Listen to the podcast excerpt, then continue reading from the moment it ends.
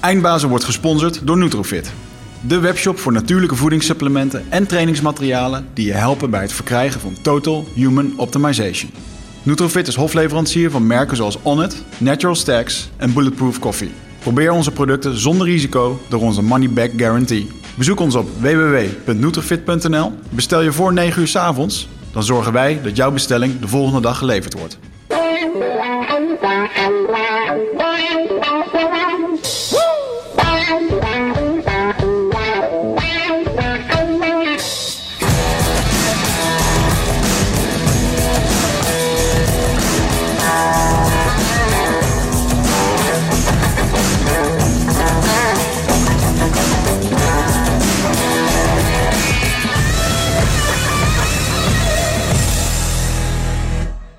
Daar zijn we weer, Wigert. Weer, eindelijk. In Eindelijk. onze eigen studio. In onze eigen studio. Met een mooie achtergrond eh, bij Wigert. Ehm Wigert, als je nou kijkt naar ehm, de dingen die we doen... Hè, en we kijken naar onze ondernemingen. We zijn een tijdje aan het ondernemen. En in eerste instantie onderneem je natuurlijk met als doel... om daar eh, centjes mee te verdienen. Zodat je misschien niet meer voor een baas hoeft te werken. Maar ik merk wel dat eh, naarmate wij daar verder in komen... dat we ook meer beginnen na te denken over wat we nou eigenlijk willen bereiken met onze ondernemingen. Als je kijkt naar eindbazen, Nutrofit, je hebt toch een bepaalde impact om je omgeving. Ja. En ehm, hoe kijk jij daar tegenaan? Eh ondernemen met een, met, met een doel. Nou, ik begon mijn eerste onderneming eh, easier natuurlijk om eh, gewoon, om het even zo te zeggen, fucking veel geld te gaan verdienen. Knaken te pakken. En dat is niet gelukt. ik heb er wel een dikke burn-out over gehouden. Maar, dat, eh, maar nee, dat was een hele andere insteek. Daarmee had ik echt het idee, eh, want ik eh, kwam natuurlijk uit een baan waar ik heel veel geld verdiende. En toen dacht ik van, nou, dit, ik ga iets voor mezelf beginnen. Dat verkopen binnen een paar jaar en dan is het klaar. En dan kun je lekker gaan genieten. Ehm, maar ik ben er nu wel achter dat... Oké, dat geld maakt mij niet gelukkig. Wat mij wel gelukkig maakt is dat ik eh, een inkomen heb. En eh, dat mag van mij, eh bij van spreken... ik weet voor mezelf dat als ik 40 tot 60.000 euro per jaar heb... kan ik alles doen wat ik wil. Ja. Kan ik dikke auto rijden. Kan ik vier keer per jaar op vakantie. Kan ik dingen doen met mijn vrienden. Kan ik drie keer per week het eten als het moet. En ja, En je punt is, dat is niet eens zo exorbitant veel geld. nou, en op een gegeven moment, ik denk serieus dat dat, ehm, voor mij is dat hetgene waar ik, van, waar ik gelukkig van word.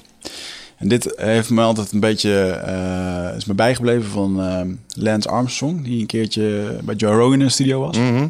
Waarin hij zei dat op een gegeven moment is hij alles kwijtgeraakt. Maar alles boven die 40 of 60.000 euro per jaar zijn dingen die je echt niet nodig hebt. Want Nee. Dan gaat het over nog dikkere auto's, nog grotere dingen, nog grotere vliegtuigen, weet ik veel wat. En dat is allemaal prima als je dat allemaal hebt. Eh, maar voor mij is, eh, is dat nu gewoon, hey, of qua financiën, is dat oké voor mij. En op het moment als ik dat heb, dan kan ik nog steeds sparen en dingen doen. Maar dan kom je op, een punt tegen en kan gaan kijken, of, oké, maar wat kan ik nu terug gaan geven? En eh, ja, ik denk, dat, ik denk dat we naar dat punt eh, aan toe gaan zijn. Ja.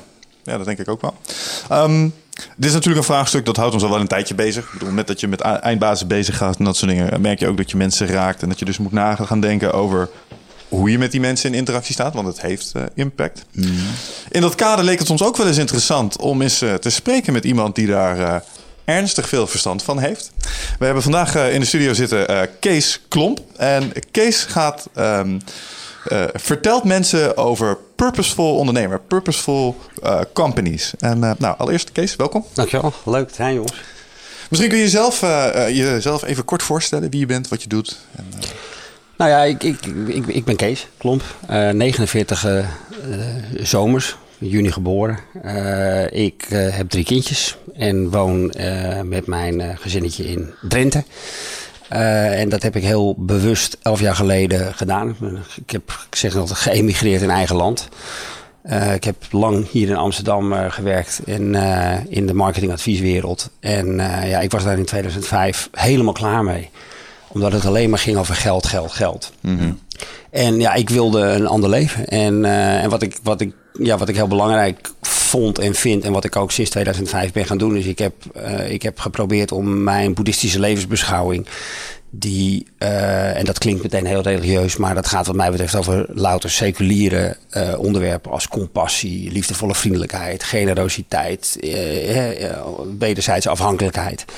Ja, ik ben dat toe gaan passen in, in mijn advieswerk. En om het even heel simpel samen te vatten, ben ik dus de afgelopen elf jaar alleen maar bezig om te kijken hoe ik mijn kennis en kunde kan gebruiken om de wereld een klein beetje mooier te maken. in plaats van ja, wat ik daarvoor, waar ik daarvoor vaak aan mee heb gewerkt om uh, eigenlijk alleen maar een negativiteit te creëren. Hè? Als je mm. meewerkt aan bedrijven die willens en wetens ecologische of sociale schade berokkenen om een product te maken en te verkopen, ja, dan, dan ben je op alle vlakken mm. medeplichtig. Hè? Dat, als je consumeert ben je medeplichtig, dan ben je mm-hmm. dat bedrijf aan het sponsoren. Maar al helemaal als je als adviseur ervoor gaat zorgen dat het product meer gaat verkopen. Mm. En ik trok dat niet meer. Ja. Ik trok dat niet meer. Jij had het net bij, jou, uh, bij je inleiding over een burn-out. Nou, ik heb, ik heb, ik heb zo'nzelfde moment uh, gehad. Uh, ik werkte bij TBWA, grote adviesbureau. En ehm, ja, ik, ik, ik, ik merkte dat ik, dat ik zo niet meer geloofde in de dingen die ik aan het voorstellen was. Dat ik mhm. langzaam maar zeker mezelf aan het opbranden eh, was. Maar ja, blijkbaar had ik nog geen lef genoeg om de knoop door te hakken en, uh, en mijn eigen ethiek uh, centraal te, te, laten staan. Ja, en dat is op een gegeven moment is dat, is dat helemaal geëscaleerd. Dus ik ben ook met een burn-out uh, thuis komen te zitten. En ja, blijkbaar heb je als mens, of blijkbaar, mensen leren alleen maar door te lijden. Hè? Dat is een algemeen bekend beginsel. En ja, dat was, dat was voor mij de, het begin van een, ja, een, nieuwe, een nieuwe carrière waarin ja, geld niet meer de belangrijkste drijver is. Maar hoe creëer je nou geluk? Door middel van bedrijfsvoering. Ja. Interessant. Eh, was die burn-out ook de aanleiding voor jou om de Randstad te ontvluchten en daadwerkelijk naar Drenthe te vertrekken? Uh, ja, dat was wel. Uh, dat was, nou ja, dat, het was, de, het was de, de, directe aanleiding, om het zo maar te zeggen. Ik had daarvoor al. Wij, ik, ik, ik, ik heb ooit een bedrijf gehad binnen Jonge Rubicum. En dat hadden we verkocht. En dan kreeg ik wat centjes. En toen hebben mijn vrouw en ik hebben een tweede huisje gekocht in Drenthe. Ah, ja. En daar gingen wij dan elk weekend uh, naartoe. En ik merkte dat ik daar iets vond wat ik hier niet kon vinden. En dat is op zich ook vrij eenvoudig. dat is met een goed woord ook te duiden. Het heet rust. Ja. en, en ik merkte dat ik dat ik merkte dat ik dat geweldig vond. Weet je, veel dichter bij de natuur, veel simpeler, veel puurder. Hmm. En op een gegeven moment merkte, merkte, merkte ik dat wij op vrijdag steeds vroeger uit Heemstede vertrokken naar Drenthe. En dan op zondagavond zo laat mogelijk teruggingen. En het is eigenlijk aan mijn vrouw te danken die op een gegeven moment opperde. Zo van, joh, waarom gaan we hier niet gewoon wonen, joh? Weet je wel, waarom gaan we gewoon, we, gaan, we, nokken er gewoon uh, mee, verkopen de boel. We gaan hmm. gewoon hier opnieuw beginnen. En uh, ja, dat hebben we gedaan. Geen seconde spijt van. Nee. Cliché met een baard van een meter, maar... Uh... Nou ja, met name omdat een boel mensen toch wel dat uh, ideaalbeeld hebben. Zo van, ja, als het dan later al zo ver is, dan ontvluchten we de drukte om daar daadwerkelijk ja. onze rust te vinden. Alleen wat me dan opvalt is dat vaak als mensen rust uh, daadwerkelijk pakken, dat ze op het pad komen te zitten waar ze... Weet je, als ze moeten eerst vallen, krabben ze weer overeind. En dan kunnen ze verder op de route waar ze uh, eigenlijk misschien wel voor bedoeld waren. Um, Wat is een van de belangrijkste inzichten die, uh, die je burn-out je in dat opzicht heeft opgeleverd? Uh, ethiek, eerlijkheid. Hmm. ik, was, uh, ik ben jarenlang een devote boeddhist by night geweest en gewoon een, uh, een commerciële marketinglul bij, uh, bij day. Hmm. dus ik heb heel lang mijn professionele leven van mijn, van mijn persoonlijke leven gescheiden. En het is een van die inzichten dat je achteraf terugkijkt dat je denkt van, weet je, what the fuck man, wat heb ik nou ooit gedacht? De, heb ik nou echt gedacht dat je dat die dingen kon scheiden? Ja, dat heb ik echt gedacht. Ja, en je zegt het hier heel vriendelijk. Ik, ik heb volgens mij in je TED-talk horen zeggen, um, Buddhist at night and asshole during the day. Ja, ja dat is, zo zou je het ook kunnen zeggen. Ja, in TED moet je alles in het Engels doen. Hè? Ja, maar wat maakt ja. je dan een asshole? Nou ja, gewoon dat ik gewoon... Uh, gewoon deed wat me gevraagd werd. Dus ik, ik dacht niet na over of een product of een bedrijf bezig was om de wereld een beetje mooier te maken of, of slechter te maken. Ik was gewoon bezig om troep te verkopen waar ik niet achter stond. Ja. Van bedrijven. En ik wist deep down natuurlijk toen ook al uh, dat het troep was. En dat, er, dat, er, dat het met op dubieuze wijze gewaagd was. Ik, ik, wil, ik, wil, ik, wil hier, ik wil niet verder specifiek ingaan op bedrijven. Dat vind ik namelijk gewoon niet netjes. Maar je mag van mij aannemen dat ook jullie, als je voor die bedrijven zou eh, werken of hebben gewerkt, dat je wist van nou, dit is niet per definitie eh, een bedrijf wat het welzijn van de mensheid hoog in het vaandel heeft eh, zitten. En ja, ik, ik, ik, heb daar, ik, heb daarvoor, eh, ik heb daarvoor betaald, zou je kunnen zeggen. Maar het, ik ben ik, oprecht ontzettend dankbaar dat het is gebeurd. Omdat. En ik ben, en dat is, dat is ook een stuk zelfmededogen wat ik heb ontwikkeld, maar dat is ook mededogen wat ik altijd probeer te hebben als ik werk met mensen die bijvoorbeeld bij corporates werken, die daarin in vastlopen. Het is verdomd lastig om jezelf daaraan te onttrekken. Weet je wel, mensen worden toch voor een heel belangrijk gedeelte gedreven door angsten, door gewoontes, et cetera. En Ja. daaruit te stappen en eh, een verstandig pad te kiezen is niet zo heel eenvoudig. Ah, en ik denk dat het ook nog wel breder is als ehm, in principe de, ehm, de producten op zich. Stel je voor dat het een bedrijf is. Kijk, ik vind het ook moeilijk. Hè? Ik zou ook graag willen dat ik eh, eh, zo integer mogelijk eh, leven zou leiden en niet zou bijdragen aan een aantal industrieën die eh, aantoonbaar slechte praktijken erop nahouden. Maar iemand hoeft maar naar mijn iPhone te wijzen en de discussie is klaar. Ja, Zijn we uitgeluld. Dus dat is moeilijk. Dus met producten is dat sowieso heel lastig. Maar wat een boel mensen denk ik ook onderschatten... is dat ook als het niet eens om eh, specifieke producten gaat... ehm, dat het soms in andere zakelijke contexten... dat integriteit ook nog wel eens op de proef wordt gesteld. Zeker, Bijvoorbeeld ik, als iemand die met deadlines en opleveringen te maken heeft gehad... ehm, ik heb wel eens een, een, een spin moeten toepassen... op waarom het in godsnaam iets later werd. Mhm. En dan voelde je toch een beetje... Hmm, ik ben hier niet helemaal integer bezig. Mhm. Maar als ik, het, als ik nu wel eh, de volle waarheid vertel, dan, dan kost me dat vertrouwen. Tenminste, dat is je angst dan in ieder geval. Ja. Dus dan gaan ze nooit meer met ons in zee of wat dan ook. Maar daar heb ik ook wel eens een zuur gevoel aan overgehouden. Ja, tuurlijk. Dat ik mensen die, die mij vertrouwden in het... ge- Eigenlijk, ja, eigenlijk jok je tegen ze. Ja. Nee, maar goed, luister. Ethiek en eerlijkheid is natuurlijk een enorm breed eh, domein. En wat je terecht aangeeft, het is bijna onmogelijk om in, in de hedendaagse samenleving op een, op een constructieve, ethisch constructieve manier te leven, te wonen, te consumeren.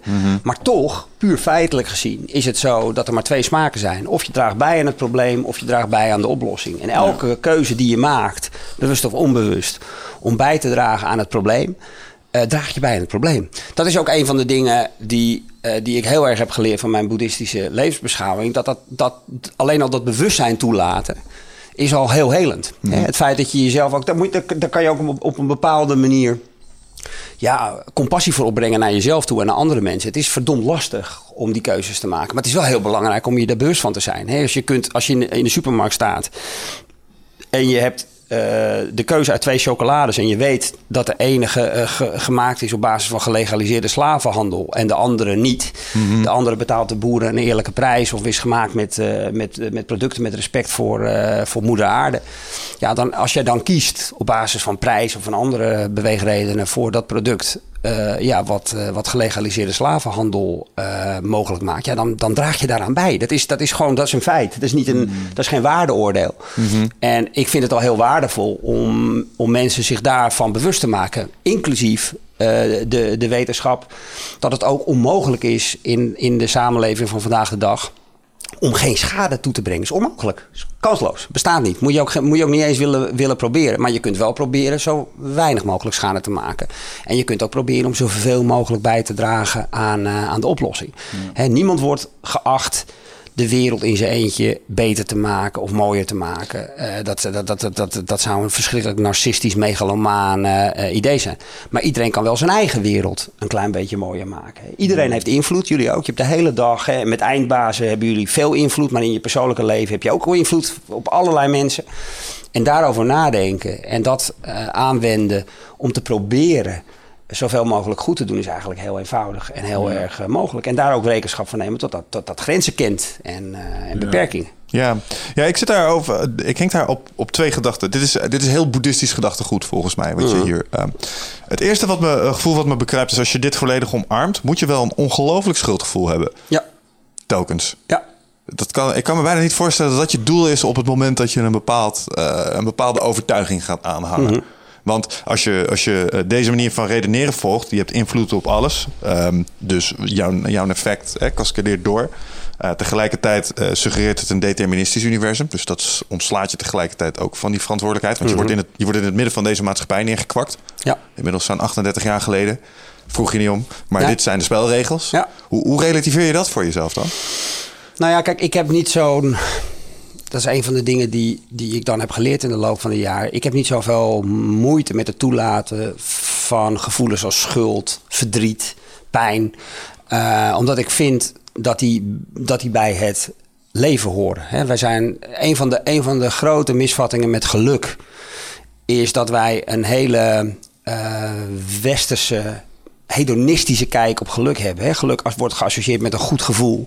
En mhm. wordt geassocieerd voor een heel belangrijk gedeelte met, met plezier. Mhm. uh, en uh, terwijl purpose, en daar zullen we denk ik vandaag nog wel verder over krijgen, maar purpose is, is een heel diep gevoels, of een heel diep geluksgevoel. Uh, wat, wat veel meer resoneert op, op een, ja, je zou kunnen zeggen, een soort smaak van voldoening en vervulling. Maar uh, purpose zonder pijn is eigenlijk bestaat niet. Hè? Dus op het moment dat jij iets doet vanuit een altruïstisch beginsel voor de ander, om de ander vooruit te helpen in het leven, mm. dan zit daar vaak uh, is dat vaak gestuurd omdat je bij de ander een vorm van lijden ziet. De ander heeft, je, heeft, heeft op, op een bepaalde manier een zetje nodig, heeft hulp uh, nodig, mm. heeft, uh, heeft, jou, heeft, jou, heeft jouw effort nodig. Dus dat, dat, ja, het feit dat je dat toelaat in je hart, dat vereist het feit dat je het durft toe te laten in je hart. Dat je niet bang bent om dat gevoel toe, te, toe te laten. Dus ja, weet je, ik, ik, ik ik ben eerlijk gezegd niet zo bezig met dat gevoel in de zin van ik vind schuldgevoel, ik vind, ik vind, ik vind pijn, ik vind verdriet. Ik vind het, het zijn allemaal gewoon maar gevoelens. En die mhm. gevoelens vind ik net zo bijzonder als een gevoel van uh, blijheid of, uh, of, of, uh, of, plezier. En, ehm, en, die zijn er, en die zijn er natuurlijk ook. Hè? Ja. Die, die, horen ook heel erg bij elkaar. Als je, als je, want feitelijk gezien hebben we het gewoon over liefde.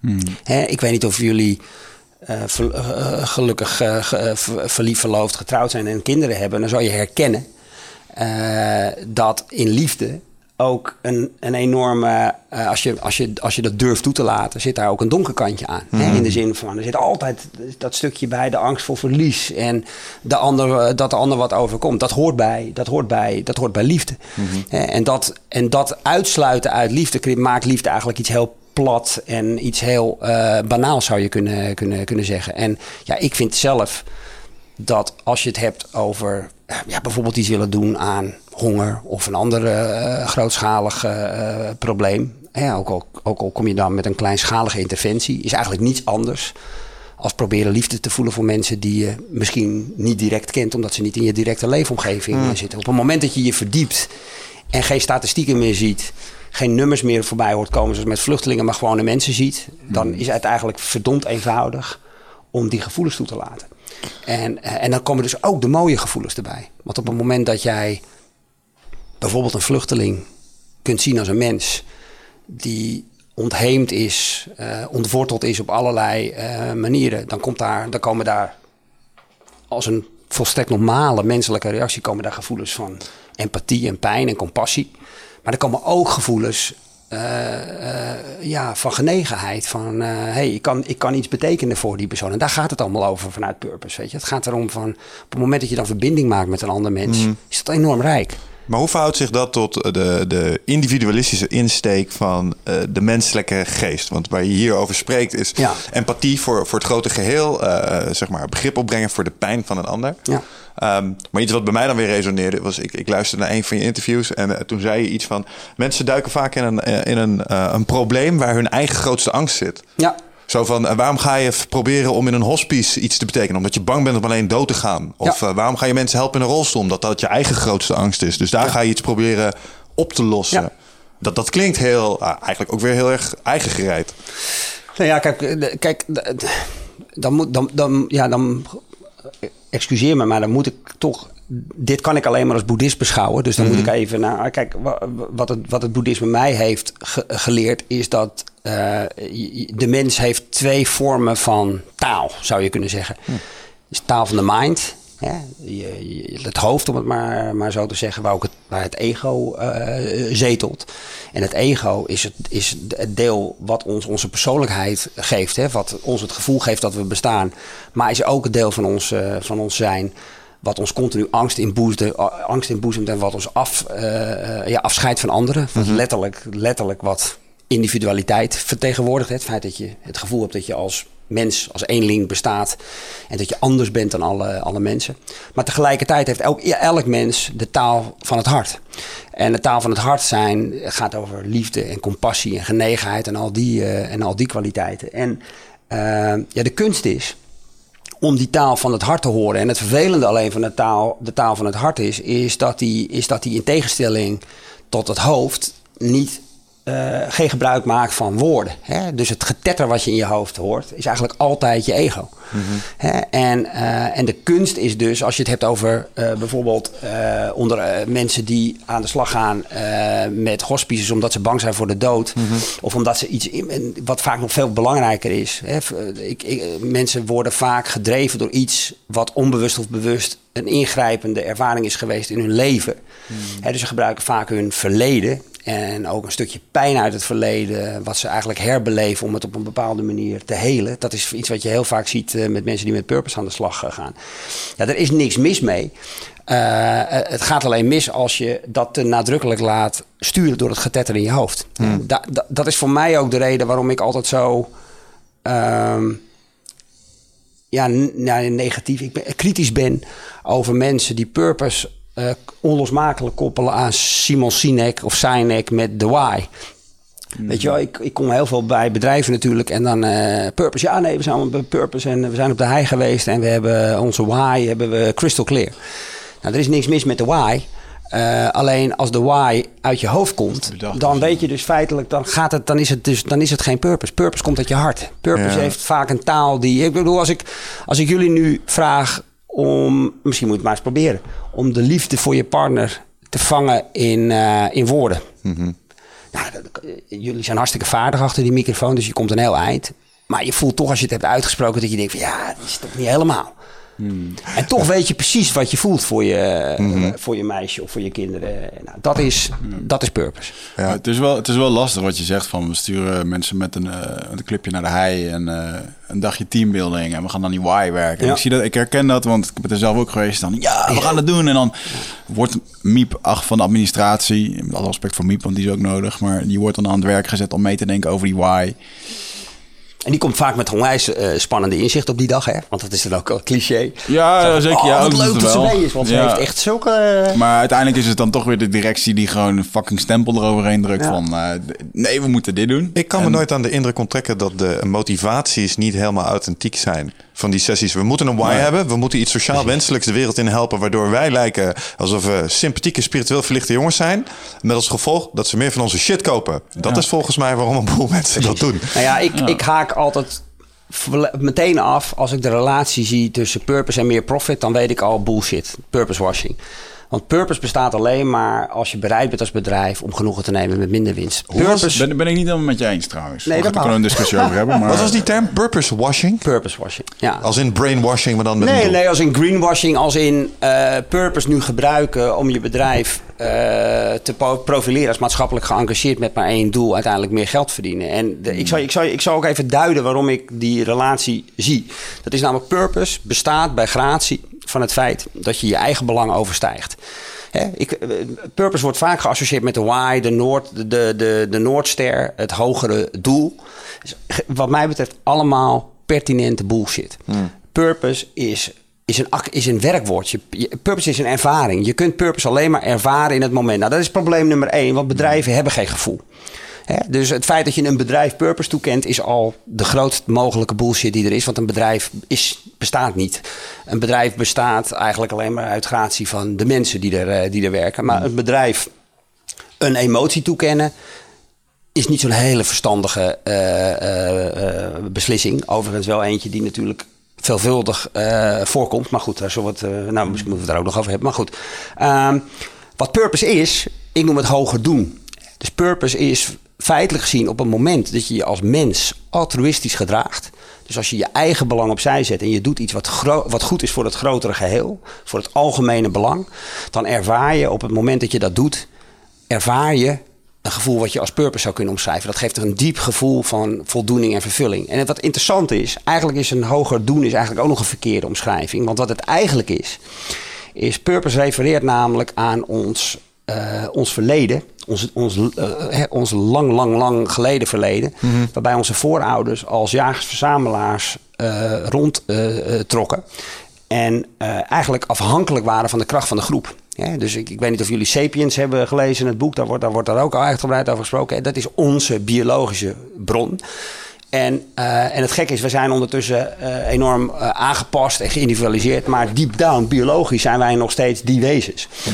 En purpose of altruïsme is niks meer als een gedrag wat refereert aan dat verleden. Op het moment dat jij iets doet wat goed is voor de groep, dan ervaar jij dat diepe gevoel van eh, voldoening en, eh, en vervulling. Het is, het is een heel natuurlijke eh, manier van, van, van gedragen. En je kunt vaststellen, je kunt vaststellen wanneer dat gevoel optreedt en, en, en, wat, en wat het geeft. Maar het formuleren als iets waar je naar kan streven, is, ja, is ongelooflijke eh, eh, koeienpoep. En wat, en, wat dan, en wat dan al helemaal niet werkt, is op het moment dat je dat eigen belang overstijgt en dus iets gaat doen wat goed is voor de groep. Dat betekent dus per definitie, als je het in bedrijfstermen eh, eh, plaatst, dat je meer gaat teruggeven. Dat betekent dat je, dat, je, dat je je gaat ontfermen, bijvoorbeeld over de planeet, of over de arbeidsomstandigheden, of over de manier waarop je je supply chain inrekent. Dat betekent dus eigenlijk allemaal dat je jezelf financiële belemmeringen oplegt. Het feit dat je dingen niet goedkoper maakt, maar beter maakt voor alles en iedereen, betekent per definitie dat je jezelf financiële barrières oplegt. Lees dat het verschil tussen de kosten en de baten kleiner wordt. Ja. Dus bedrijven die zeggen dat ze door purpose meer winst eh, maken, ja, die, die verkopen je een trucje. Die hebben gewoon de mission statement eh, opnieuw uitgevonden en hebben een nieuw woord gevonden om dat eh, met nog hogere abstracte waarde om het je aan jou te verkopen. Ja, dat is marketing. Dat is marketing, ja. Dat is purpose washing. Ja, oké, check. Ehm, voordat we de bedrijfseconomische... Vind ik, ja, Mijn mening, hè, mag, ik, mag ik daar nog even op inhaken?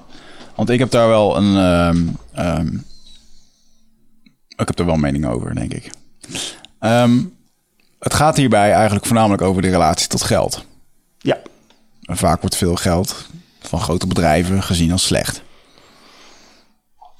En ja. want hè, dat, uiteindelijk, als iemand anders daar wat van vindt, dan is vaak zijn relatie met geld anders dan diegene waar het even om gaat. Ja. Ik zal een voorbeeld geven. Ehm, ik heb vorig jaar een eh, mooie reis gehad naar een Indianenstam. Daar heb ik zes weken gezeten. Eh, mooie spirituele reis gehad en daar een soort van eh, levensmissie gekregen om de wereld weer te leren wat het is om een puur mens te zijn. Want dat is wat ik daar zag. Een mooi spiritueel verhaal. Maar kort en krachtig betekent dat eigenlijk dat ik gewoon nu een verhaal aan het uitdragen ben. En met, met de bedrijven en de dingen die Michel en ik doen, wil ik daaraan bijdragen. Met een voedingssupplementenbedrijf dragen we daarbij aan gezondheid. Ik eh, geef lezingen bij bedrijven over die indianenverhalen en dat soort dingen. En ik vind het leuk om te ondernemen. En met eh, eindbazen, dit is ons stukje ja, gratis kennis weggeven. En, eh, en daarmee ook alles laten groeien. Dan stond ik een keer een lezing te geven. En ik vertel daarbij ehm, dat ik ayahuasca-sessies doe om marketingplannen uit te denken. Dat doe ik. Ja. Ik beweeg heel makkelijk in die wereld van ayahuasca. Ik eh, ben daar gewoon... eh, We ja. kunnen je labeltjes laten zien die in die staat zeg maar bedacht zijn. Ja, ik kan hier eh, hele, eh, nou ja, de hele fundering die is daarop gebouwd. En ik vind dat fijn. Dat is mijn manier om dat zo te doen. Ik snap dat het niet voor iedereen is. Maar, en vervolgens nou, dan stel ik daar mijn verhaal, mooie lessen. En eh, natuurlijk, het gaat uiteindelijk allemaal over de liefde en die verbinding en compassie. Dat, dat draag ik allemaal bij. Ehm, maar vervolgens had ik een meneer tegenover me staan die eh, ernstig teleurgesteld was. Eh, die vond het een fantastisch verhaal, maar die zei van... joh, ja, je had het hier net over ayahuasca en met marketingplannen en over je bedrijven. En toen dacht ik echt van, nee, dit... eh, ja, nee, ik vind eigenlijk... eh, eigenlijk vond hij het gewoon... nou, hoe zou ik dat zeggen? Was het niet meer eens wat ik had verteld of hij geloofde het niet? Of de geloofwaardigheid ging Ja. er. Ik zeg, "Waar- maar waarom is dat dan? Ja, ja als het allemaal zo, zo over spiritualiteit gaat en over je missie, dan wat heeft het dan met geld te maken? Dan kom je weer op het stuk, dat is jouw relatie met geld. Ja. Ehm, jij vindt veel geld eh angst en jagen. Misschien heb je er een slecht verleden mee. Of komt het uit eh, de hippie-tijd waar dat allemaal niet kon. Of... Ja. Maar uiteindelijk is het voor mij heel simpel. Als ik meer geld verdien, eh, door dat soort dingen te doen. Dus ik vraag ook geld voor mijn lezing. Daar hebben we ook een keer een opmerking over gehad. Als het dan zo'n spiritueel verhaal is, waarom moeten we betalen voor een ticket? Ja, mijn idee is gewoon, als ik meer geld verdien, meer winst maak, dan kan ik meer marketing maken. Kan ik meer, ik kan mijn boek straks in het Engels uitbrengen. Kan ik eh, gaan podcasten. Kunnen we meer van dit soort dingen gaan doen. Kan ik mijn verhaal meer gaan vertellen. En kunnen we meer dingen doen die ik leuk vind. En op het moment dat ik eh, daar gelukkiger van wordt en beter van wordt. En dan groeit de rest daarin mee. Dan komen we een beetje op dat eerste stukje terug. Hè, van jezelf als het ware voorop stellen. Ehm, en daarnaast heb ik gewoon zoiets van ja. ehm, die groei die hiermee komt, als, je te veel, als, je, als er te veel geld wordt verdiend, geld kan je altijd weggeven. Toch? Zeker. Dus dat is mijn eh, visie over geld en zo. En ik merk dat dat toch nog altijd wel een, eh, een hekel punt is bij mensen eh, die anders kijken naar geld. Ja, maar je, wat mij betreft gooi je even te makkelijk twee dingen op één hoop. En dat is geld verdienen en winst maken. En daar zit wat mij betreft de crux. Kijk, het is heel, voor mij is het heel simpel. Een bedrijf wat geld centraal stelt als enige, als het hoogste doel van zijn bedrijfsvoering, maakt maximale winst. En alles is ondergeschikt aan dat beginsel. Dat kan namelijk niet anders, want je kunt alleen maar maximale winst maken als je geld het belangrijkste maakt. Dan denk je aan een Amazon die met de verhalen waar... eh, bijvoorbeeld een Nou ja, dat- een dat- Apple dat- Japanse fabriek... waar mensen van de fabriek afspringen omdat ze het zo... Ja, nou ja, maar, maar even voor, voor alle duidelijkheid. Ik denk dat ongeveer eh 95% van alle bedrijven die op dit moment wereldwijd bestaan, zo in elkaar Ja, zitten. Hè? Want wel, laten we, laten we vooral de purpose-beweging nog niet overdrijven. Die is, die is eh, nog steeds heel erg eh, klein. Maar wel toonaangevend in die zin dat ze geluk als hoogste doel hebben gezet. Of hoe je, of hoe je dat welzijn of hoe je dat een beestje ook wil, wil noemen. En dat betekent dat, dat uiteindelijk het bedrijf afgerekend wordt op, op andere eh, factoren dan alleen maar geld. Dus als je, eh, en, en, en dat betekent dus dat ehm, je sociale waarde of sociale winst, ecologische winst ook meeneemt en belangrijk eh, vindt. Of, en net zo eh, belangrijk vindt. En dat betekent gewoon dat je een andere relatie met geld krijgt. Hè.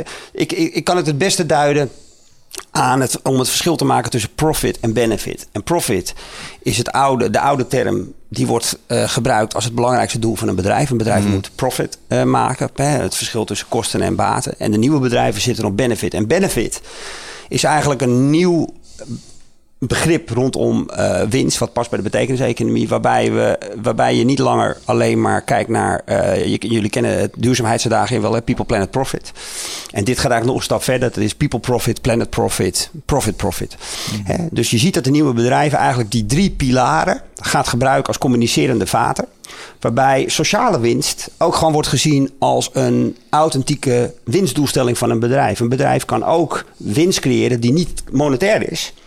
Maar bijvoorbeeld zo- dat ze ervoor zorgen dat mensen met een enorme afstand tot de arbeidsmarkt werk krijgen.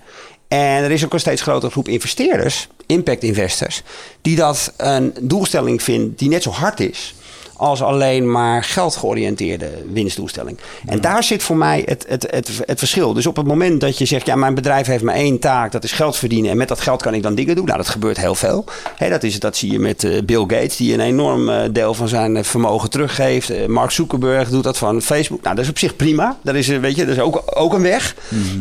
Alleen het, het, het, het heikele punt van dat soort bedrijven is, is dat binnen dat bedrijf eigenlijk alles geoorloofd is om die doelstelling te bereiken. Terwijl bedrijven die benefit nastreven, ja, die hebben dit hele verhaal geïntegreerd in hun, in hun doelstelling. Waardoor het gewoon veel autonomer en veel authentieker is eh, in hun hele doen en laten. Hè, ik kom heel veel jonge mensen tegen die met, met dit soort startups bezig zijn die geld verdienen gewoon niet zo'n ontzettend belangrijk ding vinden. Een bedrijf moet gewoon zichzelf kunnen bedruipen. Maar het feit dat er mensen aan het werk worden geholpen, dat er een bijdrage wordt geleverd aan het betalen van een eerlijke prijs voor de boer, eh, dat het dat op een bepaalde manier plastic wordt opgeruimd, weet ik veel, allemaal van dat soort doelstellingen. Ja, die, dat vinden zij ook winst. En eh, het, dus het, het, het, is, het, is, het gaat eigenlijk over de discussie hoe je naar geld kijkt. Of naar waarde eigenlijk. Weet je, is, is waarde alleen maar monetair?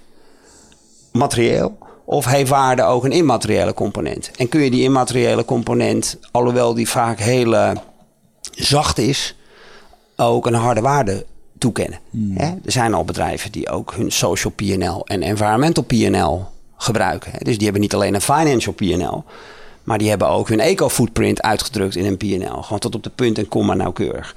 Eh, en eh, ja, dat, zijn gewoon, eh, dat is eigenlijk gewoon een andere manier om naar bedrijven te kijken. Ja. En, en het heeft dus te maken met het einddoel van een bedrijf. Bestaat een bedrijf om geld te verdienen? Of bestaat een bedrijf om meer dan alleen maar geld te verdienen? Ja, lastige afweging. We hebben ook wel Ja. eens gekeken naar eh, milieuvriendelijke verpakkingen en eh, voor eigen producten. En, eh, Nou ja, het, is, het is een lastige afweging op het moment dat je vindt dat een bedrijf bestaat om geld te verdienen. Op het moment dat je zegt van luister, ik wil de wereld gezonder maken, ik noem maar een dwarsstraat.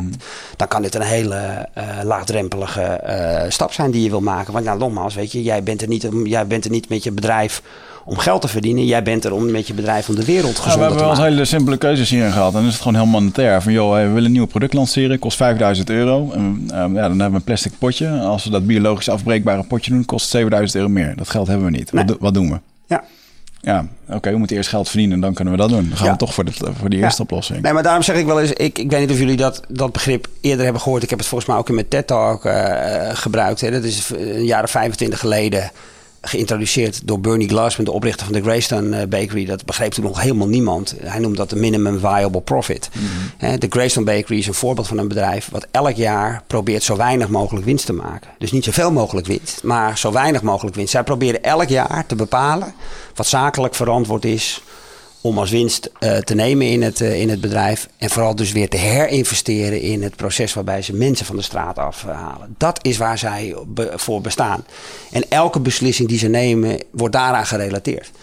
En eh, dus voor hun is die 7000 euro bij wijze van spreken een soort van extra uitnodiging. Om te zeggen, kunnen, we onszelf dit, eh, kunnen we onszelf dit zakelijk verantwoorden? Dan gaan we het zeker doen. Ja. En als we het niet doen, dan moeten we er een jaartje extra voor sparen. Maar, eh, want wij zijn er uiteindelijk om dit en dit en dit te bewerkstelligen. Het, heeft dus, te- het heeft dus te maken uiteindelijk met het einddoel van je bedrijf. Ja. Maar Waar ik hierover nadenk steeds is als ik dit hoor, is denk eh, mensen die dit soort bedrijven opzetten zijn, moeten wel vanuit hun, eh, vanuit hun hart een soort idealisten zijn. Want als ik kijk naar het gemiddelde ondernemersprofiel, ja, er zit een heleboel sociaal wenselijk geblaad bij van we doen dit voor impact en dat soort dingen. Maar een heleboel ondernemers starten hun reis ook met één doel. En dat is gewoon get money. Weet je, rijk, rijk worden. Want dat is nou eenmaal het grote eh, ideaalplaatje in deze moderne maatschappij. Ja. En wat ik me dan afvraag is, zijn die mensen die nu eh, zeg maar voor minimal viable profit gaan? Nou, je had dan net een heel mooi voorbeeld, dat is dan een succesverhaal. Ja.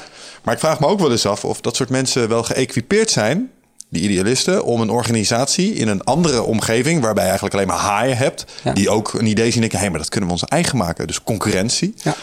Hoe manifesteren ze die zich in een dergelijke omgeving? Ik bedoel, Ja. zijn ze niet minder.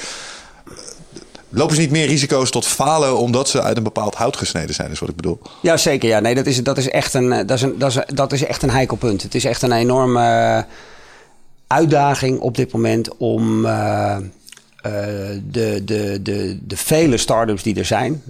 want het, het gaat ontzettend goed met purposeful companies in, in, de wereld, zeker, maar zelfs ook in Nederland. We zijn wel een beetje een bananenrepubliek wat betekenis-economie betreft. We lopen echt achter de feiten aan. Maar zelfs, zelfs dan kun je nog zien dat er een enorme stijging is van start-ups, van jonge mensen die niet meer alleen maar een bedrijf beginnen om, eh, om geld te verdienen, maar eh, een bedrijf beginnen om de wereld een beetje mooier te maken en geld gebruiken als een middel om dat eh, voor elkaar te, te krijgen. Maar wat je inderdaad ziet is dat heel veel van die bedrijven beginnen met een fantastisch idee en met een hoop goede intentie en met alles erop en eraan, maar vooral in de scale-up fase. Eh, ja, krijgen ze te maken ja, met, met, met spelletjes. En eh, die, ja, die horen bij, bij een gewone markt die lastig is. En dan zie je inderdaad dat. Ja, ja, er zijn in Nederland nu twee bedrijven die eh, die, die stap hebben weten te maken: eh, Dopper en, eh, en Tony Chocolonely's. En eh, ja, je ziet dus ook dat die, dat die, dat die twee bedrijven.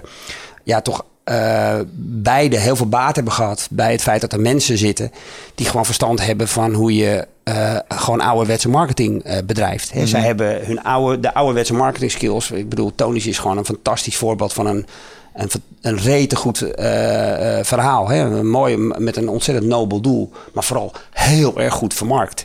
Het is gewoon heel erg goed van alles. Hè. Goede, goede, goede verpakking, goede, alles gewoon goed, goed, goed. Ja, en dan kom je, dan kom je ergens. Maar eh, er zijn in Nederland eh, eh, 50 eh, eh, chocolademerken die misschien qua ethiek nog wel veel en veel verder en veel zuiverder zijn als Tony's die niemand kent. Ja. Om de doodeenvoudige reden dat ze niet komen daar waar Tony's komt. En ja, is Tony's daarmee dan een goed voorbeeld? Eh, eh, of is Tony's eh, misschien een van de gelukkigen? Hè, dat, is een, dat is een- dat is een goede gewetensvraag. Ja, we willen, ik heb hem op de lijst staan om hier een keertje uit te nodigen, de, de eigenaar. Lijkt me een bijzonder, eh, Ja, maar ik, kan, ik, kan, voor, ik zou jullie in contact Oh, je brengen. kent hem? Ja. Oké, cool. Oh, dat zou leuk zijn. Ja, gaaf. Ik heb daar nog een vraag over als het gaat om eh, werkethiek en eh, productiviteit en op deze manier ondernemen. Mhm. Ik durf namelijk te beweren dat juist omdat een organisatie een winstoogmerk heeft, dat er mensen worden aangesteld die processen gaan optimaliseren Ja. met als doel kostenreducties te bewerkstelligen. Ja. Met, eh, en feitelijk wat je probeert te doen is elke maximale druppel levensenergie omzetten in omzet Ja. van de mensen die je in dienst hebt. En ik kan me voorstellen dat dit soort idealistisch gedachtegoed heel goed werkt in kleine clubjes. Maar zodra je inderdaad gaat opschalen en er komen tien of meer mensen werken, dan gaat ook het, het concept game theory in werking treden. Want er zijn ook mensen eh, die proberen eh, um, hun maximale maandsalaris te pakken met minimale inzet. En daar zijn managers plots voor nodig. Ja. Eh, snap je? Dus, en als dat cultuurkenmerk of die, dat bijna primaire overlevingsinstinct van een bedrijf wegvalt, krijg je dan niet eigenlijk één grote bende? Nou ja, ja dat je, je raakt een, eh, wederom een goed punt. Het is, eh, dat, is, dat is echt waar we nu zitten. En dat is ook echt iets wat, wat de komende jaren gaat uitweiden. Hè. Er, zijn, er zijn een aantal bedrijven. Ik weet niet of jullie wel eens hebben gehoord van de B Corps eh. B van- staat dan voor Benefit Corporations. Een, dat is een beweging van bedrijven die dus benefit eh, hoog in het vaandel hebben staan. En ook hun bedrijfsvoering proberen uit te drukken in, eh, in benefit. Nou, dat is, dat, dat, daar zit een, een hele zwerm bedrijven onder die jullie waarschijnlijk nog nooit eerder hebben gezien, omdat ze heel kleinschalig en lokaal zijn. Maar er zitten ondertussen ook een paar grote spelers eh, bij, waaronder Patagonia, het outdoor-merk. En, eh, ja, en dat zijn en, en Whole Foods eh, zit daarin. En, maar goed, Whole Foods is natuurlijk weer onlangs geacquireerd door Amazon. Dus dat, dat is een hele interessante nu om te zien wat daar nu mee gaat gebeuren. Hè. Dat is een bedrijf waarin dat hele benefit-stuk en welzijn voor, voor de planeet en, en, de, en de medewerkers wel heel erg hoog in het vaandel zitten. Maar ja, interessant om te kijken wat er nu gebeurt nu ze zijn eh, geacquireerd. Eh, maar er zijn wel wat bedrijven, Natura in Brazilië, ook een heel groot bedrijf, wat op deze manier eh, gestoeld is. Waarin het al wel werkt op grote schaal. Eh, maar er zijn nog veel meer voorbeelden eh, van grote bedrijven waar het vooral eh, niet werkt. Hè, en wat je vooral ziet is dat heel veel grote corporates worstelen met de transitie richting eh, een, een purpose-gedreven bedrijf. Ja. Er, zijn, eh, er zijn eigenlijk eh, nog geen voorbeelden van, van grote corporates die het goed doen. Het bedrijf wat toch het meest in de buurt komt is Unilever. Eh, maar daar is toch ook nog wel heel, heel, heel veel kritiek op, eh, op, eh, op, op, eh, op te leveren. En dat is dan eigenlijk nog een, ja, een, een vaandeldrager op, eh, op corporate eh, gebied... als je het gaat vergelijken met vele andere corporates... als het gaat over dit eh, gedrag. Ja, ik zit net te denken of deze movement nog ehm, niet net nog een klein stukje te vroeg is. Ik denk dat, dat, dat, er, dat er nog een ander ding is wat er moet gebeuren om dit te kunnen laten werken. Want ik denk namelijk dat het werkt. Alleen de primaire motivatie van mensen op dit moment is nog monetair. Daarom gaan mensen nog naar het werk. Ja. Als je dat concept zou weghalen, dan eh, is de enige reden om nog naar je werk te gaan is motivatie en, en, en, en je, eh, je idealen. Eh, ik denk dat basisinkomen Ja, een hele belangrijke stap zal zijn om dit goed van de grond te krijgen. dat denk ik ook. Ja. Ik denk dat dat een, een enorme lift zou, zou gaan geven aan dit hele verhaal. Ja. Weet jij iets van basisinkomen en hoe dat moet gaan werken? Want dat vinden wij nog een beetje moeilijk soms. Ja, nou ja, kijk, dat is, kijk, dat is, kijk, dat is een nog ingewikkelder onderwerp als eh, purpose-gedreven bedrijven, omdat het eigenlijk louter theoretisch is. Hè. Er zijn eigenlijk maar een paar kleine experimenten geweest met, met basisinkomen, waardoor het eigenlijk een, ja, het is een soort theoretisch vergezicht over hoe het zou kunnen werken. Met purpose-gedreven companies heb je nog in ieder geval een paar voorbeelden van bedrijven die daar concreet mee bezig zijn, zodat je er nog wat van kan vinden. Er zijn succesverhalen, er zijn mislukkingen, nou, daar kan je wat van vinden. Dat kan je eigenlijk bij. eh, bij basisinkomen eh, eh, niet zeggen. Maar ik denk, ik denk wat, wat, ik er, wat ik eruit haal. eh, eh, vo- vooral is dat, het een, is dat het een enorme gelijkwaardigheid gaat eh, creëren. En ik denk dat dat misschien wel de belangrijkste positieve invloed is die ervan uitgaat. Hè, er zijn. We, we zitten natuurlijk nu eh, toch gevangen in een, in, een, in een systeem waarin de haves steeds verder verwijderen van de have-nots, om het maar even zo eh, eh, te, te zeggen. Dat, dat, heb ik, eh, dat is niet iets wat ik verzonnen heb, maar dat is ook wat Piketty's boek nadrukkelijk over, over gaat. En het, het, systeem werkt niet voor mensen die, die aan de onderkant bun, bungelen. En ik denk dat vooral dat een enorme positieve invloed kan, kan hebben op het, op het proces. Ik geloof dat er een enorme inventiviteit zit bij, bij mensen die nu niet mee mogen spelen. Hmm. Ja, ja wat, wat ik me daarvan afvraag is... ehm, in hoeverre je dat voor elkaar krijgt. En dat sluit een beetje aan bij wat je zei toen je het had over purpose is a verb, zeg maar. Dat je Mm. een soort gevoel hebt waarbij je een bijdrage levert aan een groter geheel, zeg maar. De tribe eh, noem Ja. je dat. Dat vinden wij ook een heel mooi woord. Eh, versus het individualistische. Omdat wat ik nu ook nog heel sterk zie, want dan kom je weer terug op de biologie, hè? Ja. Eh, Want wij zijn gehijacked door onze genen, door, door de behoefte om ons genenpakket voor te geven. En op dit moment is geld ook nog een van de grootste manieren om jezelf op de seksuele markt te onderscheiden. Ik bedoel, eh, jouw economisch succes eh, is absoluut een factor in, eh, Ja. in, in de afweging voor ga ik een langdurige relatie met deze persoon aan, en Ja. dan ja, dan nee. En dat stukje verdwijnt volledig bijna op het moment dat je hiermee aan de slag gaat. Want iedereen wordt een soort van gelijk. En ik stel me dan voor dat er geen topbetaalde CEO's meer zijn in een dergelijke economie. ehm, die nu toch allemaal een beetje het voortouw nemen. Mede omdat ze ook weten dat als zij in die vette bak rijden, die ze hebben verdiend met hun CEO-ship, eh, dat het hun status in de maatschappij bevordert. Ja. Hoe, hoe zie je dat? Nou ja, kijk, ik, ik, denk dat, ik denk dat je daar helemaal gelijk in hebt. Maar ik denk dat, ik denk dat het probleem eigenlijk voor- vooral zit waarbij waar we, waar we het net ook over hebben. Kijk, wij hebben op dit moment geen andere manier om ons doen en laten te meten, te wegen, te vergelijken met anderen als geld. Heel simpel gezegd, wij, wij meten hier in Nederland ons bruto nationaal product, bruto nationaal inkomen.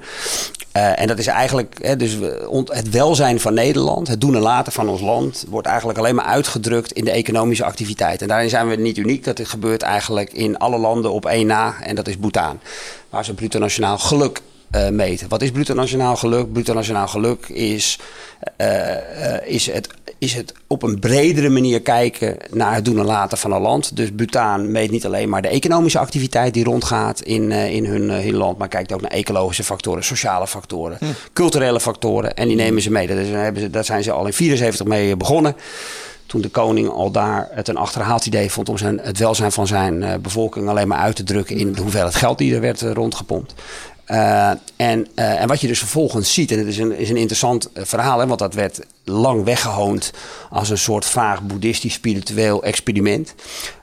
Ondertussen is het door de Verenigde Naties vanaf 1992 omarmd als het ontwikkelingsmodel van de toekomst. Hè, met de happiness index, waarbij, het, eh, waarbij er wordt gekeken naar het eh, geluk van het land. Maar wat veel interessanter is, is dat eh, jullie weten, er is een Parijsakkoord gesloten waarin we de CO2-footprint naar beneden moeten brengen. En er is op dit moment één land in de wereld wat al een positieve footprint heeft. Hè. Dus alle landen zitten nog steeds in het rood. En er is al één land wat in het groen staat. En dat is datzelfde Bhutan.